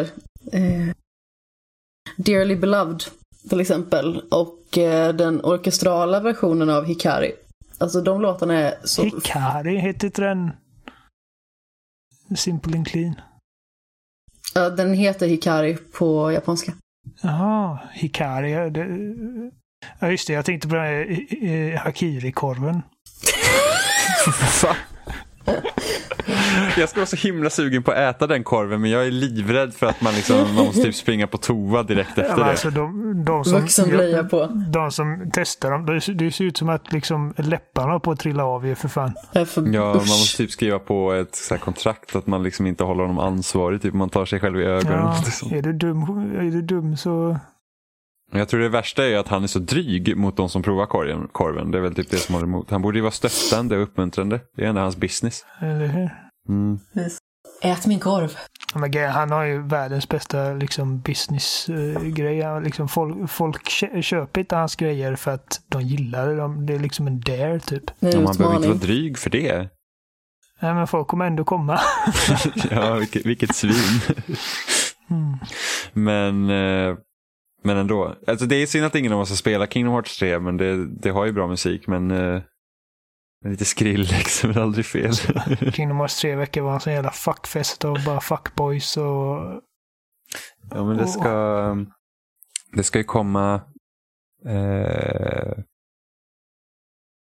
vad var det jag skulle säga? Det ska ju... Alltså, du ska komma eh, till Xbox och du ska spela det då. Yes, yes, det ska komma på Game Pass och då jävlar, då blir det Kingdom Hearts för hela slanten. Det är någonting med mig som, jag vet inte, det är jättesvårt att inte tycka om första Kingdom Hearts. Andra är också ganska så bra, men jag har ju suttit fast på en och samma boss nu i typ sådär två och ett halvt år och det är lite beklämmande. Men jag tycker bara idén att blanda Final Fantasy med Disney tycker jag är helt fantastiskt. Ja, och det Jag gör ju vilja ha- liksom att det finns himla mycket i den mixen som är gott. Det är bara så jag kollar på så här typ, eh, liksom, ska man säga, ihopklippta videos med dialoger och grejer och jag bara, fan vad det här låter horribelt. Alltså bara Fast- allt ni säger kränker alla Ja, mina sinnen. det gör ju typ alla japanska spel. Det är ju jättebajsnödigt på många ställen. Det är helt typ klart. all, alla JRPG är ju typ så. Ja, det, ja, där ser du. Den genren suger röv. Vilket, vilket Ja. väldigt här, konstigt för att när man tittar på anime typ så är det inte på det sättet. Nej. Det är inte alls lika Nej, styltigt. Vilket Eller- är så märkligt. Nej, nej, säger jag. Jag har ingen aning. Jag har bara sett Death Note. Death Note var bra. Den var bra. Ja. Borde se Full Metal Faktiskt. Alchemist också. Nej. Jo, den är jättebra. Och, och typ, eh, och den där, alltså, du, du har rekommenderat Death Note i flera år och sen så rekommenderar du den här jävla... Vad hette det? Full Metal Alchemist. Heter den så? Ja. Med den här Brotherhood eller vad det är. Är det Full Me- Metal Alchemist? Brotherhood. Ja, precis. Ja, precis. Så det är två, två stycken. En var bra och den andra var värdelös. Så att det är liksom... Ja, nej. Blandade resultat där när man lyssnar på dina rekommendationer. Blandade Äh, småhopp. Vilket svin. Jag bara gillar inte, jag bara gillar inte anime. Alltså, du, säger att du inte gillar, du, säger, anime- du säger att du gillar anime utan att du har tittat typ på någonting. Det är ju det som var problemet. Ja, alltså, Okej, det är klart att det finns undantag. Death Note var ett undantag. Det kändes inte som en anime-show. Det, Den är hade kunnat vara liksom eh, vanligt liksom speldrama. Det finns jättemånga sådana. Och eh, som typ, jag såg When Marnie Was There. Um, Ja, den är rätt fin. Också liksom bara eh, vanlig berättelse om typ, jag kommer inte ihåg den, men den var fin. Den var fint Jag, tr- jag tror att du skulle kunna uppskatta monster. Ja, jag vet det jag tycker är- bara mycket anime som jag tittar på, liksom bara alltså, Jo, fast det, det är om du tittar tv-spelskaraktärer Ja, fast- med liksom McGuffins och power-ups och det- det, det- Super Saiyan. Det är om du tittar på shonen-grejer. Det är ju så. Det är typ så här, oh, my power level is greater than yours. Ja. Typ. Men Eh, Oliver, se... Prinsessan Mononoke. Eh, jag har hört talas om den, jag vet inte vad det är för någonting. Den är jättebra. Finns det typ animeskräck? Ja, Det gör det ja. säkerligen. Det finns väldigt mycket skräck. Man kan göra rätt creepy grejer med den stilen. Ja. Liksom.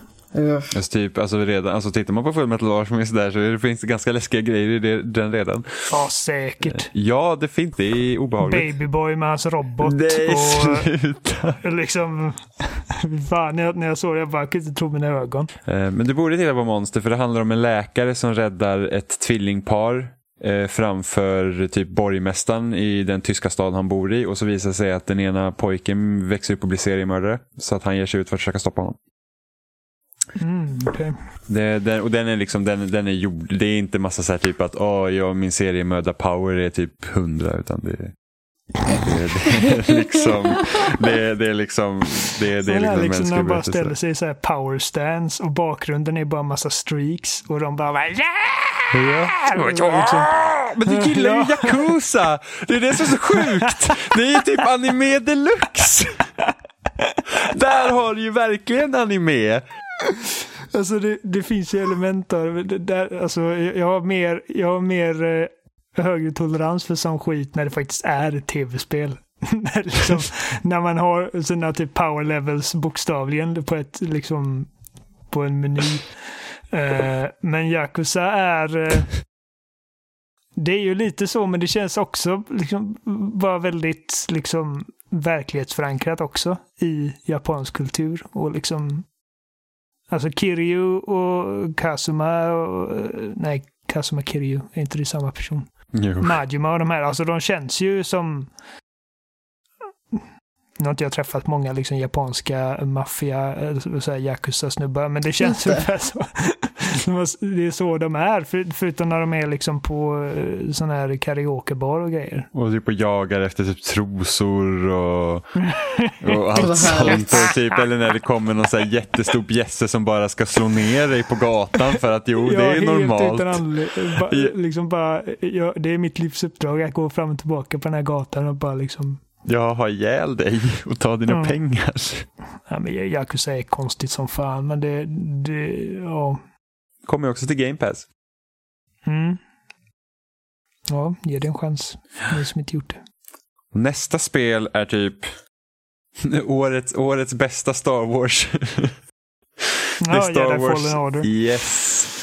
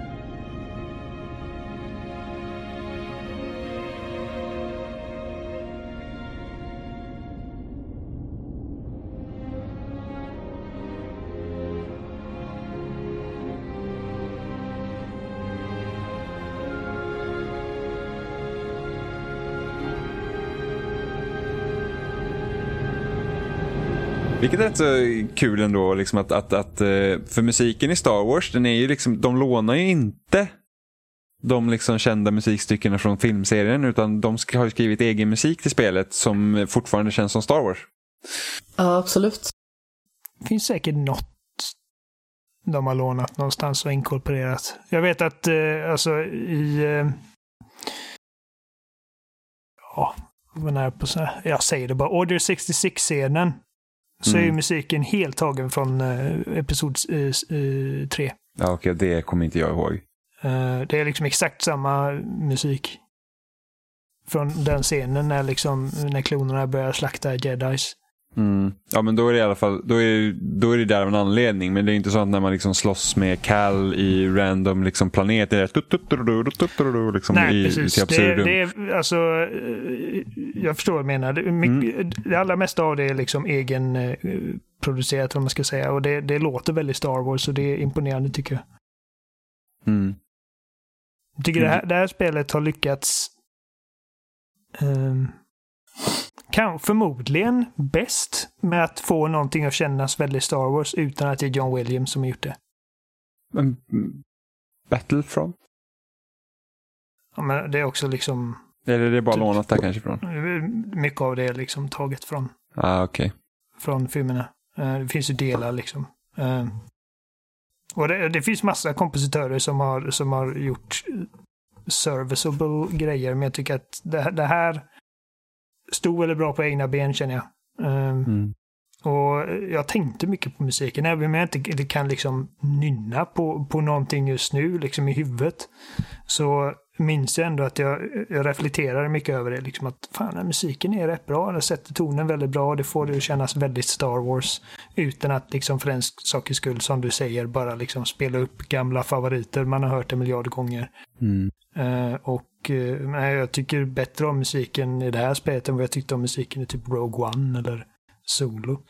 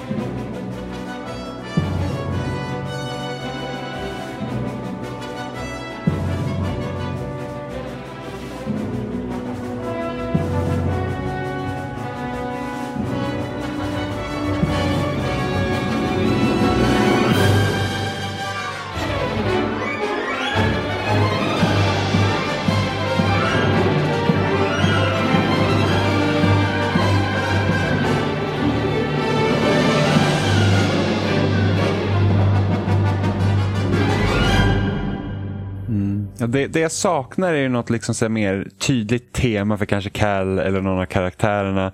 Eh, som jag tänker typ på Rays tema i nya Star Wars-trilogin. Mm. Och det är jättefint. Kan vi inte bara bajsa lite på The Rise of Skywalker? Alltså fy fan vad dålig den filmen var.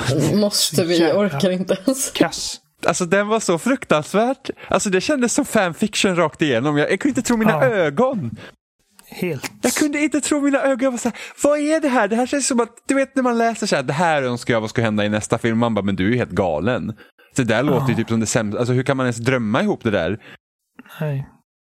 Men alltså, det är ju inte det som... Det, är inte, alltså, det, det tragiska är ju inte att det är någonting som man känner att hur kan du ens drömma ihop det? Det tragiska är ju att alla fansen redan har drömt ihop det.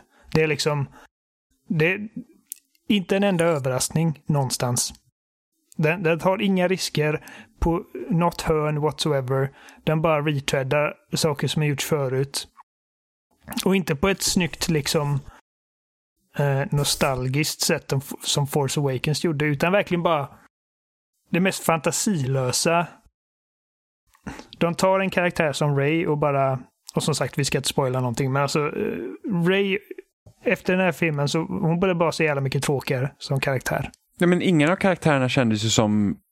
Alltså ingen av karaktärerna kändes som sina karaktärer. Finn gjorde ingenting. Uh, Oscar Isaac gjorde ingenting. Ehm, eller Poe heter han ju. Uh, Kylo Ren och Ray är typ de enda två i filmen som faktiskt har någon form av bäring på vad som händer i berättelsen. Ja, och, och Kylo Ren allting. sidelinas. ja, Han kändes som en Fan. sidokaraktär helt plötsligt. done dirty verkligen. Ja. Alltså den, den jävla skådisen, Adam Driver, är fucking jävla mästare och de bara doppar honom. Alltså de, de tar honom i, i benen och doppar hans skalle i toaletten liksom. Mm. Har, har, har du sett Girls, Oliver? Ja. Ja. Enda anledningen till att jag kollade på Girls var för att han var med i den. Ja, Adam Driver är jättebra. Han är asbra. Alltså, allt jag ser honom i. Och där, jag, jag kan inte sluta tänka på det. Innan Quentin Tarantino slutar göra filmer så måste han casta Adam Driver någonting. Han hade varit så jävla bra i en Tarantino-film. Ja, det tror jag faktiskt också. Absolut. Adam Mm. Driver i True Detective. Nej. Det, det hade också funkat. Alltså, kolla jag, jag, jag, Men inget mer ge True mig- Detective. Jag känner mig ge lite mig- mätt ge på mig det. Adam Driver i allting. Nej, fy fan vilken Du liksom bara, bara ge mig Adam Driver i mig. Eh, eh, liksom, jag vet typ, eh, jag kollade så, eh, kommentarspåret på Last Jedi och Ryan Johnson sa typ det första vi gjorde, eller som var, det första jag gjorde var att reflektera över vad hade varit det svåraste för alla de här karaktärerna att eh, liksom möta i den här filmen. Eh, och, eh, liksom, och, och så skrev han manuset då efter liksom att eh, Oscar, liksom, vad händer ifall, ifall man tar Poe tar bort Poes rymdskepp. Liksom, ifall han inte kan flyga runt. Och tvingas liksom vara fast någonstans. Uh, vad händer när Ray får reda på att det hon har väntat på hela livet inte egentligen finns? Så liksom från det perspektivet, alltså, Ryan Johnson borde gjort den här också. Ja, men det är, så himla mycket, det är så himla mycket intressantare sätt att eh, tackla grejerna på. För det jag är rädd nu med Star Wars, och här, jag har inte varit ett Star Wars-fan, jag, blev liksom, jag, jag, jag började gilla Star Wars med Force Awakens. Så att, eh, Mm. det är jättetråkigt att det blev som det blev. Eh, men liksom, det jag är rädd för med när Disney som ett stort företag ska gå in och liksom säga att okej, de här riskerna är inte, alltså det här som ni gjorde här, det funkar liksom inte, så nu kör, nu kör vi corporate. Vi liksom, det här, det här är liksom, ja men det, det här är liksom ett corporate smörja egentligen. Att det är liksom, vi ser till att det ska, det ska vara så säkert som möjligt, att det, liksom, det, det är viktigare att, att att det är som en maskin som skickar ut de här filmerna än att någon kommer in och säger att det här skulle jag vilja göra med Star Wars. Precis. Och det var ju typ det Ryan Johnson fick göra. Nu tycker inte jag att The Last Jedi är jag tycker inte att det är en dålig film, jag tycker inte att den är jättebra heller på grund av eh, anledningar. Liksom. Eh, men de grejerna som var verkligen intressanta i The Last Jedi, det bara, det, det bara försvann ju med tredje filmen. Ja, de, de tog verkligen varenda aspekt från den, den filmen och bara slängde ut det åt helvete. Ja, och till och bara, med den lilla delen Luke är med i, i The Rise of Skywalker var verkligen så här, nej men alltså det där är inte den Luke vi såg i Last Jedi. Nej. Det där är, liksom, det där är något helt annat. Det är liksom som att någon, ja men det, det är fanfiction. Det är någon som, jag var inte nöjd med Last Jedi så nu gör jag det här istället. Och man säger, men det, det stämmer inte längre. Nej, fy fan Jag, vilket jag, piss. jag är chockad över att de inte bara sa att "Ö, nej men Luke, Luke överlevde ändå.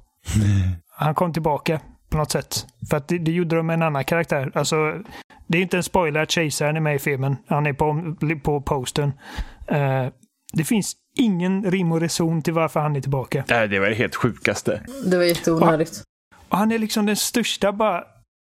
Alltså, på tal om tv-spelskaraktärer och power levels. Alltså, när, du vet mot slutet när han, när han är som liksom mest kraftig Ja. och gör den där grejen med sina eh, elhänder. Alltså jag skrattade så jag håller på att dö. Det är så fult där. Jag bara, det där är fan det töntigaste jag sett. Alltså förmodligen typ min least favorite moment i hela serien.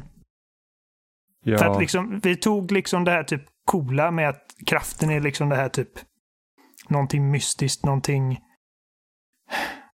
som, som inte riktigt har sina gränser. Man kan göra ditten och datten med den, man kan sammanlänka människor och man kan liksom bilda relationer med den och man kan liksom stoppa arméer utan att ens vara på plats. Och här bara Psych, det här är liksom typ nuclear level 99. Ja, men han ser så dum ut också. Det är det som är så roligt. Och Ray har också så här typ liksom press, eh, tryckt ner båda eh, thumbsticks för att gå in i eh, Rage of, liksom Ghost of Sparta mode typ. Ja, nej, jättetråkigt verkligen. Alltså vilken, vilken besvikelse.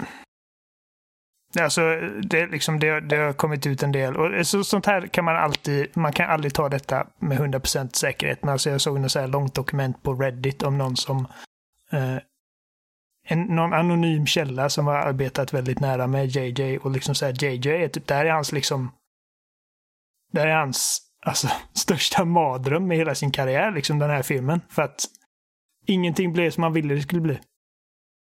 Eh, filmen liksom klipptes ner. För det första, han ville göra två filmer Mm. till. Men det skulle alltid vara nio, så det kan vi inte göra. Så han bara, okej, men då vill jag ha liksom en, åtminstone tre timmar. Och de bara, ah, du kan få 2.40. Han bara, jag är inte nöjd, men okej. Eh, och sen klipper de ner ytterligare 20 minuter på den. För jag Mm. kommer ihåg att eh, han, han sa liksom väldigt tydligt, jag tror det var i början av förra året, liksom att det här kommer vara den längsta Star Wars-filmen som gjorts. Och sen liksom var den kortare än vad Last Jedi var. Mm. Ehm, och det är liksom så många grejer med typ vad som händer med karaktärerna och då framförallt med Kylo Ren. eh, som tas bort. Eller som har tagits bort. Och eh, får liksom hela hans ark att bara liksom makes no sense överhuvudtaget. Ja, Ja, men jättetråkigt. ska vi gå tillbaka till spelmusik kanske? Ja, men fick vi ut lite Star Wars. Jag tar ett nytt, Film. jag drar en ny lapp. Det var mitt fel, jag sidelinade. Fy på dig. Eh, Nästa spel är The Outer Worlds.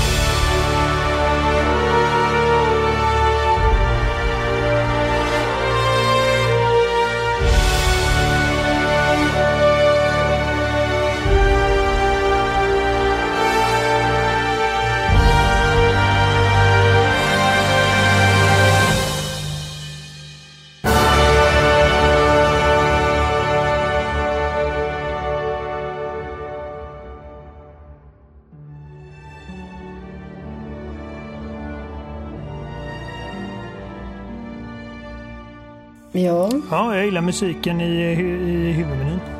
Mm. ja. Det var exakt det jag tänkte på. Det, det är lite typ sådär Star Wars möter Mass Effect ungefär. På något vis. Jag tänker faktiskt inte på, på Star Wars eller Mass Effect. Jag tänker Nej, det var musiken det i Star Wars. Jag tänker mer, alltså, jag tycker att likheten är mycket närmare Fallout. Jag har inte Eh. spelat Fallout. Så. Nej. Och det är inte så konstigt att likheten är där. Nej, för att, precis. För att spelet i sig självt är ju typ Fallout i rymden nästan. Eh, eftersom det är Obsidian som har gjort det. Eh, och de har också gjort Fallout New Vegas. Men det har väldigt slående likheter med Ion Sirs eh, musik. Både Fallout 3 och Fallout 4. Eh, Men det är väldigt märkligt egentligen med The Outer Worlds för att det är ett av de spelen som jag tyckte om absolut mest i år men i övrigt så känner jag liksom så här att jag minns typ inte musiken. Den är ju väldigt mycket i bakgrunden liksom. Du har, och det Väldigt jag anonym. mest förvånad över är egentligen liksom att hur att alla, alla som pratar om spelen tycker att det är så roligt. Du vet. Det är så mycket humor i spelet och det är ingenting i musiken som skvallrar över att det skulle liksom vara åt det hållet. För den är väldigt lågmäld och allvarsam. På sina ställen. Speciellt när man är ute i världen och utforskar. Sen när man kommer liksom mer in i, eh, i eh, städerna eller liksom byggnader och så, alltså där andra karaktärer finns. Eh, då, då, är, då, då påminner det mer liksom om typ Ja, men det ska nästan gå åt hållet med Outer Wilds, att det är liksom mer lite akustisk musik, det är lite mer vilda västern hållet. Typ, ja, ja, för det, det du jag när vi pratar om The Outer Worlds. Outer Wild West. Ja, men det var när vi typ pratade om The Outer Worlds eh, tidigare. När jag hade börjat spela det var ju det att jag tyckte att det kändes som, eh, eh, gud vad heter det nu då? Den tv-serien som alla tycker om. Med eh, Nathan Fillion i huvudrollen. Firefly. Yes, tack. Jag tycker hade mer likheter med Firefly. Exempelvis. Och, att det just, och, det, och det var ju det Firefly också var, typ en pitch. Det var ju typ att det är en westernserie i eh, rymdmiljö. Och lite så är ju faktiskt The Outer Worlds också. Det känns lite som ett westernspel i, i rymdmiljö. Man är lite så här out of the law. Sådana grejer. Men ett speciellt soundtrack. Jag fortsätter. Vi har inte många lappar kvar nu. Typ Tack. tre va? Nästa spel är Bloodstained Ritual of the Night.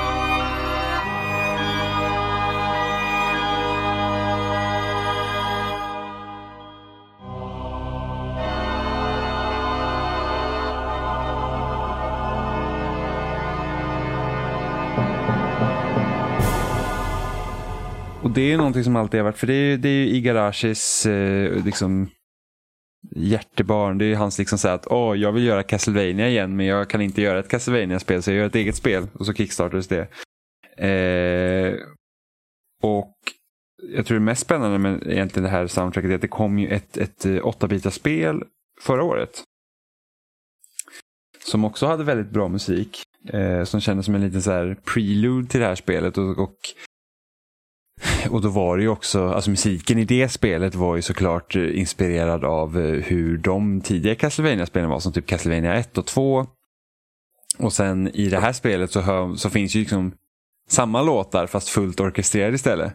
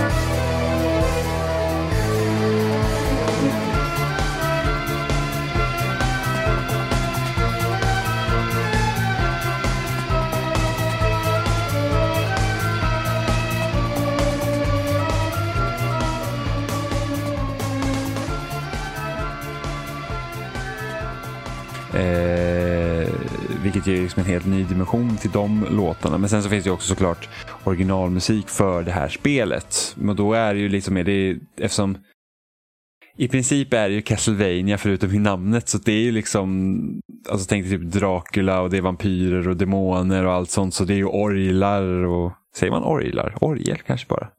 Vad är orgel i plural? En orgel, Eh, flera orglar. org- Jag vet inte. orglar. Jag sa orglar, det låter helt absurt att säga orglar. Det är för många R i samma Ja, mening. men oj, Orglar. orglar. Det låter som att... Ja, fy fan.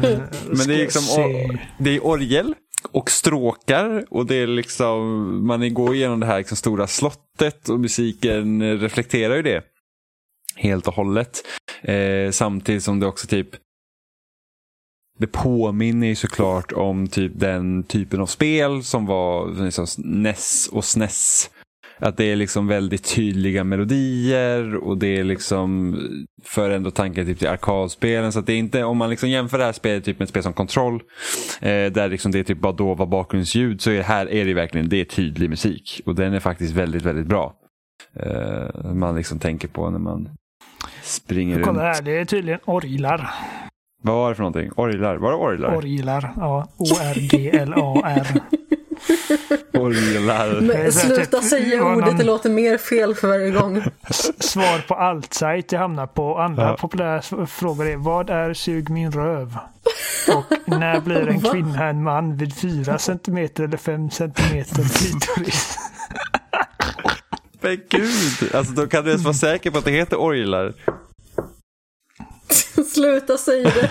Det låter Det som något som låter ett fel. bebis Ska skulle säga. att det var eh, Orglar. Visionary, eh, orgel, orglar, ja. Orglar. Ja. ja, jag hade det första jag sagt men Nu sagt Men alltså vad hade alternativet varit? Men en orgel, flera orgel. Jag vet inte. Man kanske inte hade böjt det. Orgels. Men orglar, ja det låter ju nonsens. Sluta! Det finns vissa ord som bara, alltså, eh, typ ordet morbid. Det är ett bra ord som är omöjligt att säga i vissa sammanhang. Som vilket sammanhang? Eh, vad morbid det var. Vad Jag antar att morbid? man bara säger vad morbid det var. Ja, det måste man ju säga. Vad morbid det var. För man säger typ hemsk så blir det hemskt. Vad hemskt det var. Vad morbid. Morbid. Man kan säga morbid. Jag vet, men det, typ min hjärna vill det. det är gärna vill det. Ja. Ja. Men orglar, då har vi lärt oss nytt idag. Orglar. Ja. Ja, är du klar med nästa? ja, jag tar nästa grej här. Börjar klättra på väggarna här. Katana Zero.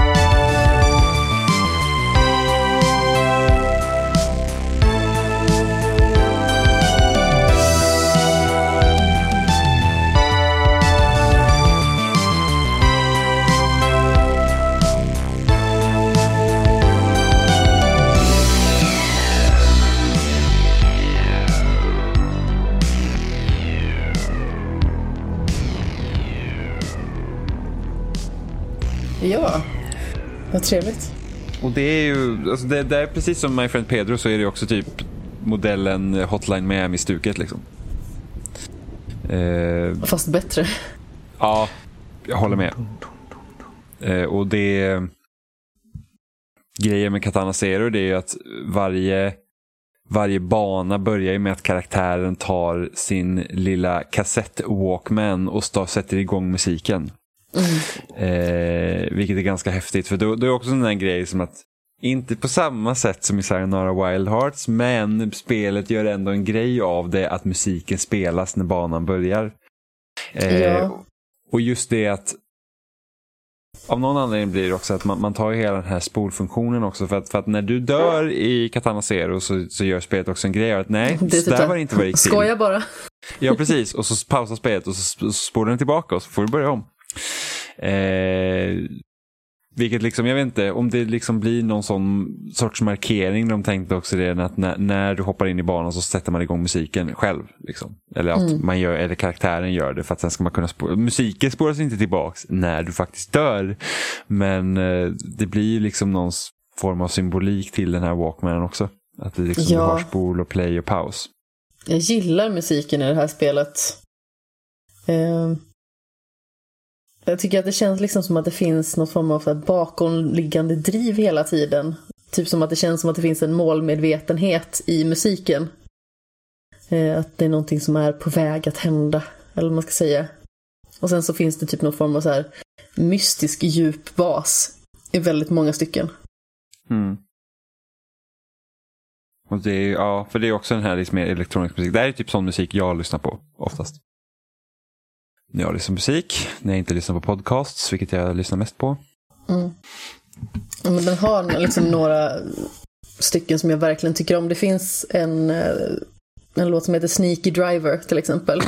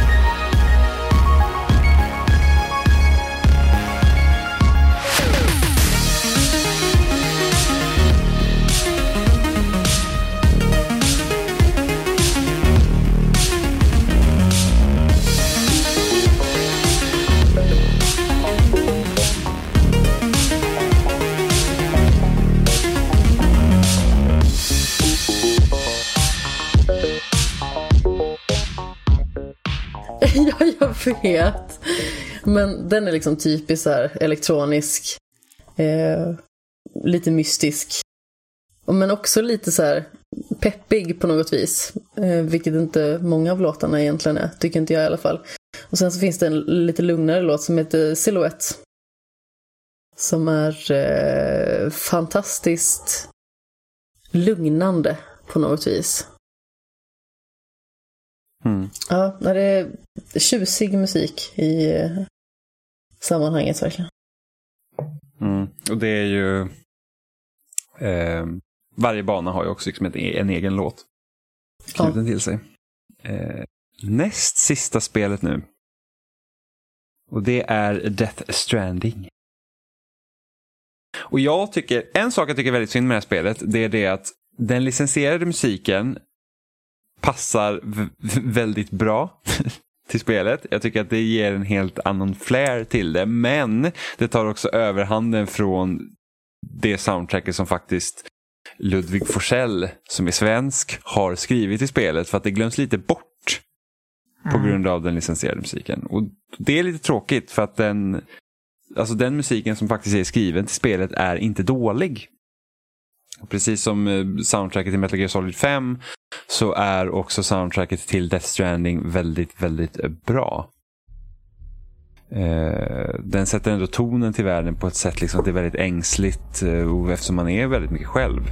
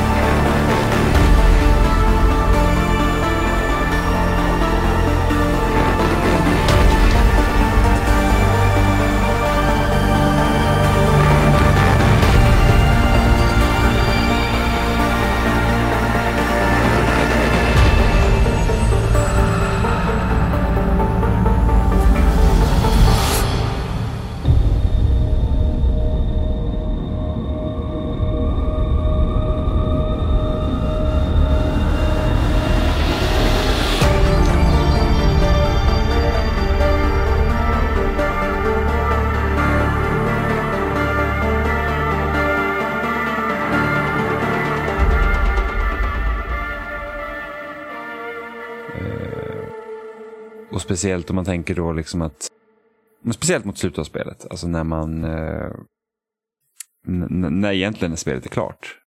Och man får typ höra Bibis tema. Det är väldigt fint.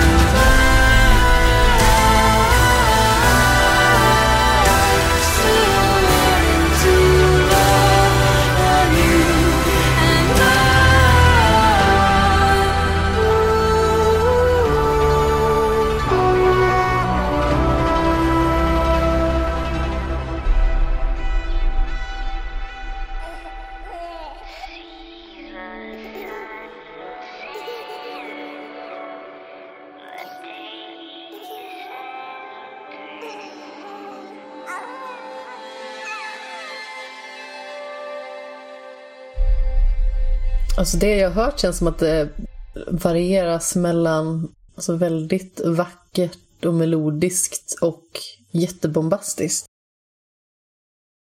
Ja, alltså det är lite så här Hideo Kojima. Det känns lite som att man ska slå på eh, känslosträngarna emellanåt och då kör man igång med de bombastiska stråkarna medan när man vandrar liksom bara där med sina leker någon form av postmans då är det ju väldigt eh, lågmält.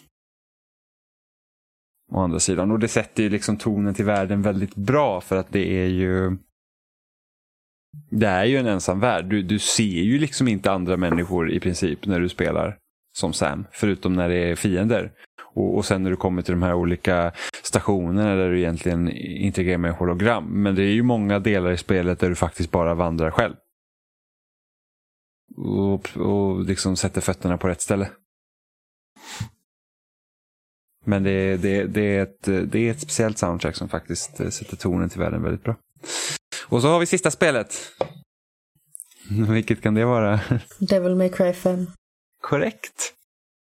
Mm, sparar det bästa till sist. Skulle du säga att det här är soundtrack of the year, Oliver? Nej. Vilket har inte... Du har Sayonara Wild Hearts, det vet jag att du har, eh, Amanda. Vad har du som bästa soundtrack i år, Oliver? Nej, jag vet faktiskt inte. Okej. Ärligt talat. Jag har ingen. Men Devil May Cry 5, precis som Apex Legends, har liksom, kan nog ha ett av de mest peppigaste soundtracken i år. Ja, det är väldigt peppigt. För att, alltså när man verkligen liksom går in och... alltså speciellt när man spelar som Nero och, och liksom man börjar, jag tror jag skrev det i min recension också, liksom att det, det är liksom så att jag eh, sällan har jag liksom varit med om att det är så här att okej, nu jävlar kör vi. Och det är ju den liksom Puma Devil Trigger Ja, som står ut. Amanda tyckte det var kul. Pull my cock! Alltså, det låter jättesnuskigt. ja men alltså, det, är, det är så, är inte typ är, är det i Devil May Cry 3? Där de säger the time has come and so, has I, so have I. Är det det spelet? Nämen. Eh, Fyran. Fy, är det fyran till och med? Jag var ju så chockad för jag har ju sett den giffen där det står så här, the time has come and so have I. Och jag trodde att det var något skämt. Men det var ju för att så heter ju låten. Eh, I'll laugh last cause you came to die. men, här, men här är det ju, i Devil May Cry 5 så är det ju så att eh, det är ju verkligen så att när, när, när striderna drar igång så då är det ju verkligen liksom att alltså, musiken drar igång samtidigt som det.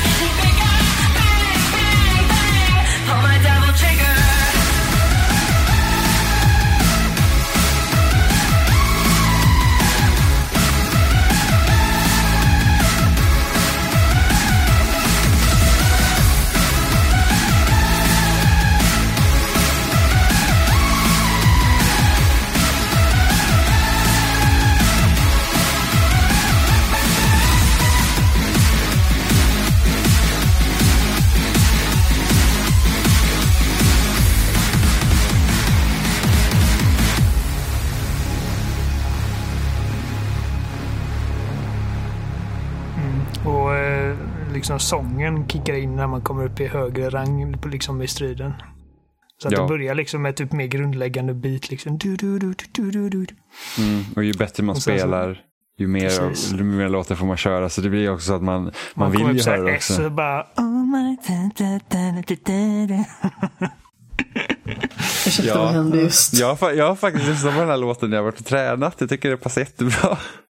Men, Man, liksom, man kommer och man bara, nu jävlar, nu, nu, nu, nu trappar musiken upp och då kan man springa lite snabbare trots att benen typ är mördade eller någonting sånt. Jag lyssnar på flera Sayonara Wild Hearts-låtar när jag tränar. Jag tycker vissa, alltså när man springer så är vissa, alltså om jag går lyssnar lite på lite, lo- eller för långsamt. Om jag lyssnar på för långsam musik när jag tränar då blir jag så här, nej, det här går inte. För det är typ, alltså min egen spellista där har jag ganska mycket så här lugna låtar. Jag är så här bara, nej jag måste liksom hoppa över, det går, det, alltså det går inte. Man, man liksom, jag blir typ irriterad när man lyssnar på för långsam musik men alltså, det finns framförallt tre låtar som jag har med i min träningslista. Och det är Begin Again, Dead of Night och Inside. Inside är jättebra träningspeppmusik verkligen. Grymt. Och de andra två också för den delen. Mm. Gotta let it out, gotta let it out. Gotta let men det, det här är liksom så att det är inte orimlig musik i Devil May Cry 5. Det är inte som man hörde typ de hörde introlåten i Dragons Dogma och man bara Va, vad är det som händer? och den är liksom så här, typ, det är typ så här väldigt så här smörig liksom rock. Jag vet inte hur man ska förklara det men här är det ju mer liksom, det passar ju till spelet. Ärligt talat, bara, bara, ifall ni inte hört det så googla Googla liksom eh, Dragon's Dogma Theme som de tog bort från eh, Dark Ar- Arisen-versionen och det är därför jag inte köpt det. Jag, ty- jag tycker inte köpa ett spel som inte har den musiken i menyn.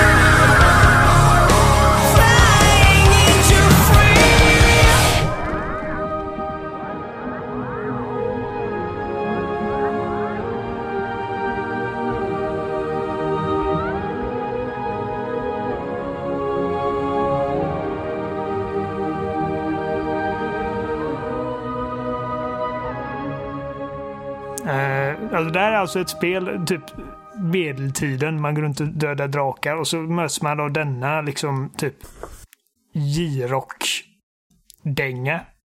Och man bara, har jag tryckt i fel spel?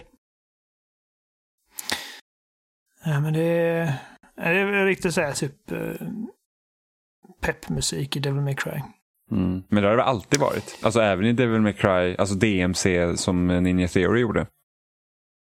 Jo, alltså, fast den här är lite mer åt, i alla fall Pulma Devil Trigger är ju lite mer åt pophållet. Medans eh, Devil May Cry 4 och 3 också har varit lite mer liksom typ elektronisk metal ungefär. Mm. Med typ manliga sångare som mest typ snackar om eh, bara, You came to die, now gonna kill you. Yeah, Men, yeah, men yeah, den liksom. här, de här låtarna de är också skrivna specifikt för spelet. Det hade varit enkelt för dem också att bara licensiera vilken, musik, alltså vilken rockmusik som helst egentligen.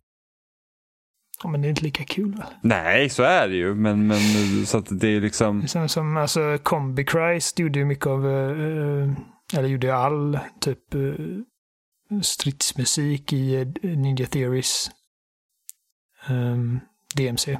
Och det är ju liksom att det, Combi Christ är ju ett band, men de blir ju anlitade till att skriva musiken för Devil May Cry. Så att, ja, Mm. Men det, är- det är ändå intressant för att det är inte o, det, det var inte ovanligt, eller jag menar, det var ovanligt att man skrev liksom sånger till spel. ja, jo. Och det har blivit mycket, mycket vanligare på senare tid. Alltså Nintendo har ju fått en jävla liksom knäpp. Så de skriver ju låtar till alla sina spel och de är också väldigt cringe. Jump up in Ja, the typ Super Mario Odyssey och sen hade de någon jump annan. Den är asbra den här låten. Nej, den är ju Jag inte det. älskar Jag den. hatar den. Och Det samma är typ. aspepp. Det är typ eh, höjdpunkten i det här spelet. Det är när man har så här New, Year's, New Year's Eve-fest. Vad fan det är i uh, New Donk City och Pauline står och spelar när man springer. Ja. Nej. Oh, shit. Here we go. On the rings. Na, na, na, na, na, na, na, na. Och sen, eh, super, sen så Super Smash Bros Ultimate förra året hade ju samma sak. Ja, just det. Jag hade också en låt som de sjunger man så här bara, så jag orkar inte. Det är väl introlåten? Ja, det är det. Ni, ni, ni, ni, ni, Ingen ni, introlåt har varit bra i. Smash sedan uh, Melee. Jag hatar Brawl-temat med passion. Herregud, jag höll på att trilla bak i gungstolen. Nej, jag, jag verkligen avskyr Brawl-temat. Alla hemskt. tycker att Brawl-temat är det bästa och jag tycker det är absolut sämst. Jag med.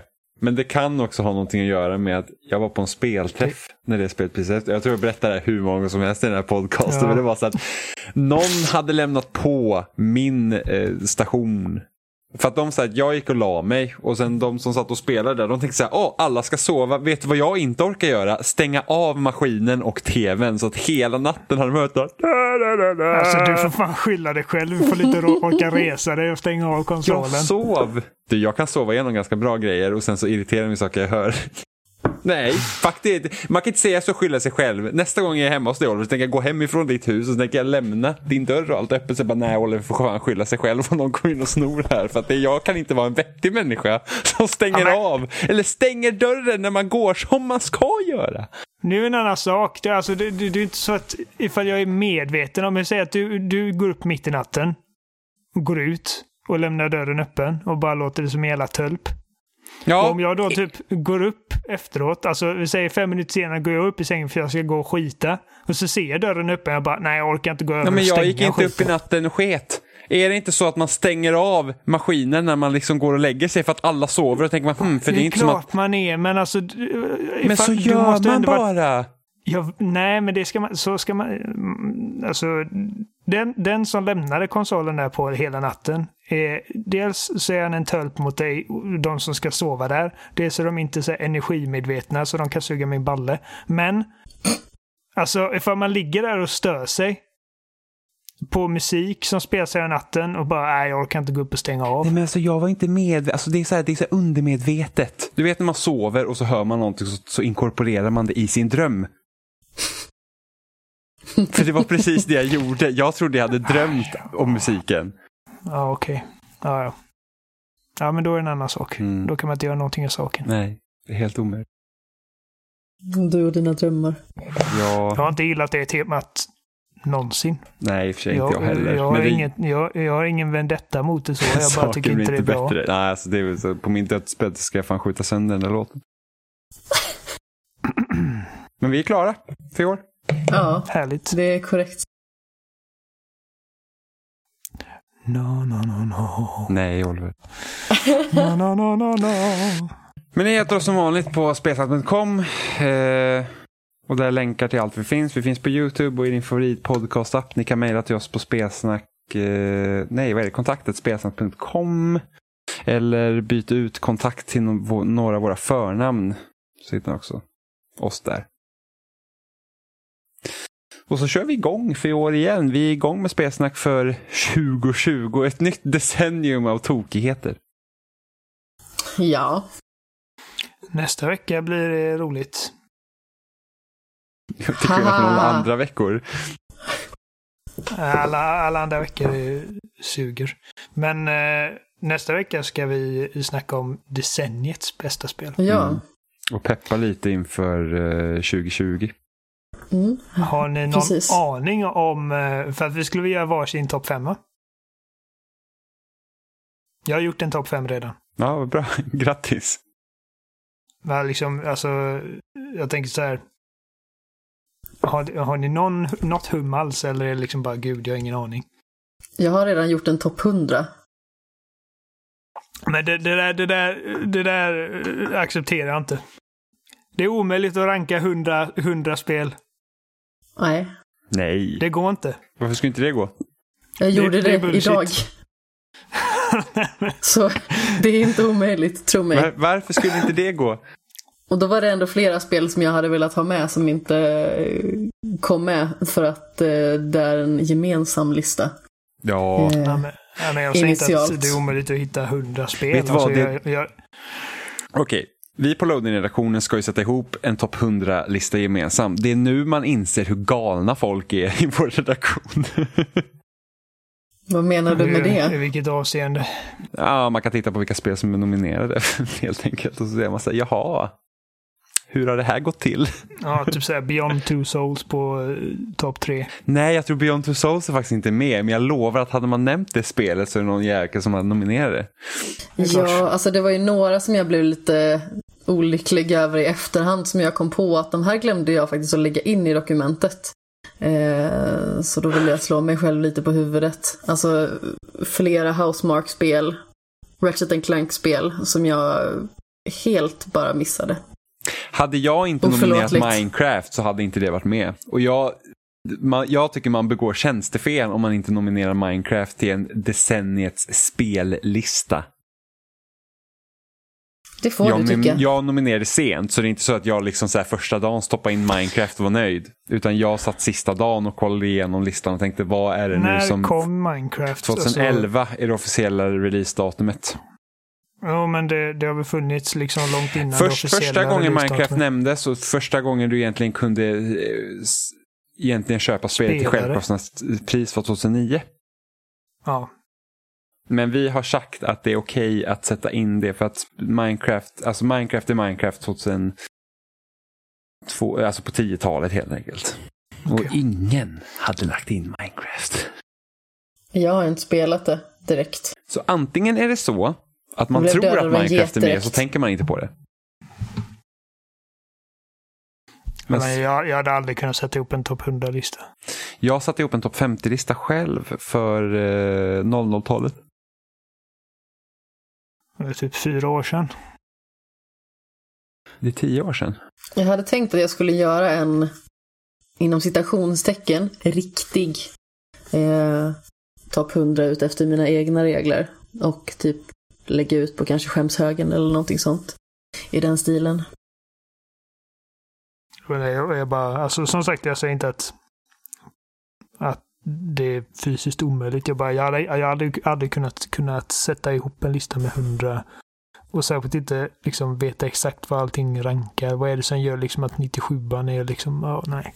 Men alltså det är svårt. Men jag, jag skulle säga att det är liksom känslan för tillfället. För jag vet ju flera spel som jag, nu när jag kollar på dem i min lista, eh, när jag kanske satte dem högt upp på en årets spellista eller sådär, då kände jag helt annorlunda för dem än vad jag gör idag. Ja, och jag måste ju ju så. utgå ifrån hur jag känner nu och inte hur jag känner då. Nej, jag vet. Jag känner bara att alltså, jag hade aldrig lagt så mycket tid och energi på någonting som, som imorgon kanske ändras. Mm, jag älskar Alltså, listor. det- sätta, topp fem har jag slängt ihop. Jag kommer förmodligen inte känna exakt som jag känner idag om typ ett år. Men då har jag bara liksom lagt tid på att lägga topp fem. Ja, ja, alltså, absolut. Men eh, jag tycker det är jättekul med listor. Jag tycker att... Eh, ja, jag vet inte. Det ska bli kul att komponera en eh, egen publicerbar topp 100-lista med de spelen som dessutom har missats plus lite annat. Jag gillar ju liksom i slutet av varje år sätta ihop eh, typ på Twitter och Instagram. Liksom, här är mina fem eller tio favoritfilmer och favoritspel. Ja, jag älskar jag- sånt. Jag gör det rätt för mig för att jag rankar dem inte längre. Jag bara slänger upp dem. Ja. Nu tänker jag göra lite Eh. smygreklam här i eh, podden Jag själv är mig. Eh, Men om man gillar listor och sånt så ska ju du och jag Jimmy eh, göra en årets bästa i skämshögen i min podcast helt enkelt. Med då spel, film och tv-serier. Avsnittet kommer heta Shame of the year och släppas på ja, torsdag den nionde. Så det kanske är samma dag som det här avsnittet, vem vet? Det kommer det förmodligen inte vara. Jag tror att det här avsnittet släpps på fredag. Det var det värsta, då släpptes det igår. Eh, Jag vet vilken, vilken din favoritfilm 2019 är, Amanda. Eh, vad heter den? Eh, Spoilar du? Nej, just det, det kan du inte göra för att det här avsnittet släpps efter. Förmodligen. Ja, du vet vilken min favoritfilm var från år. Okej, ja, ifall, jag inte fråga Jimmy vad hans favoritfilm var, men ifall det anses vara en spoiler så... Men det är inte spoiler. Nej, Och jag har sett väldigt lite film i... Eh... Filmer tycker jag är svårt. Jag är mer tv-serie min jam. min eh, TV-serie favoritfilm var ju omöjligt. The Favourite, Oliver.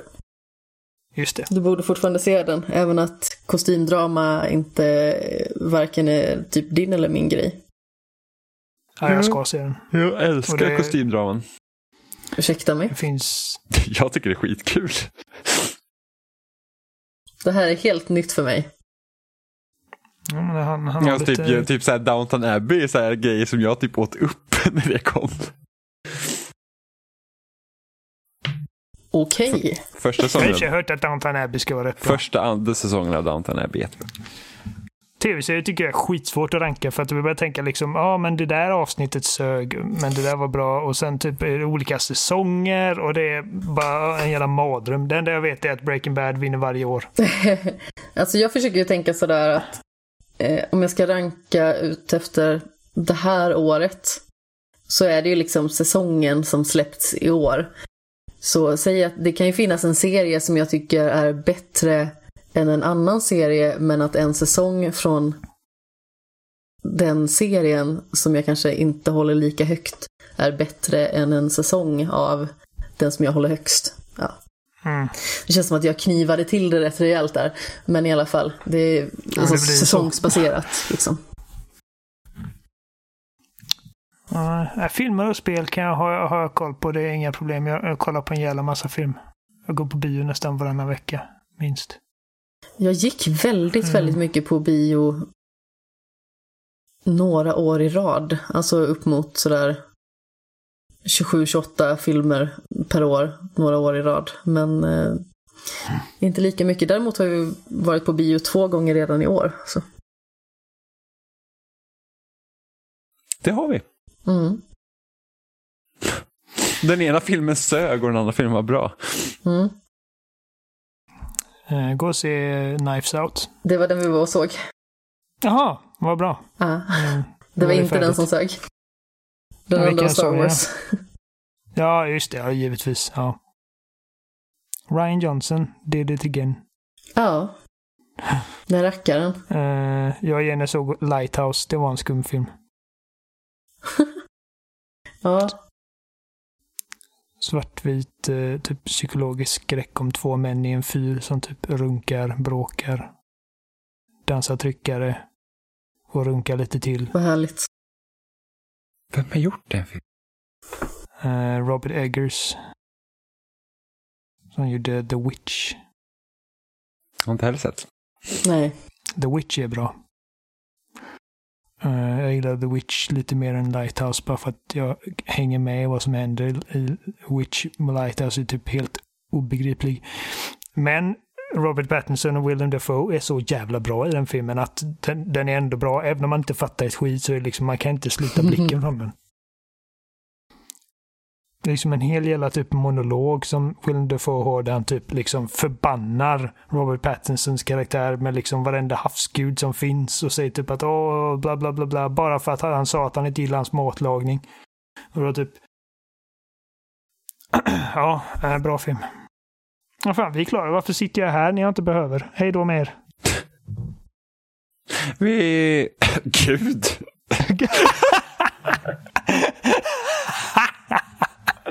ah! Det lät som en brunstig ko. Ja, Vi hörs nästa vecka. det gör vi.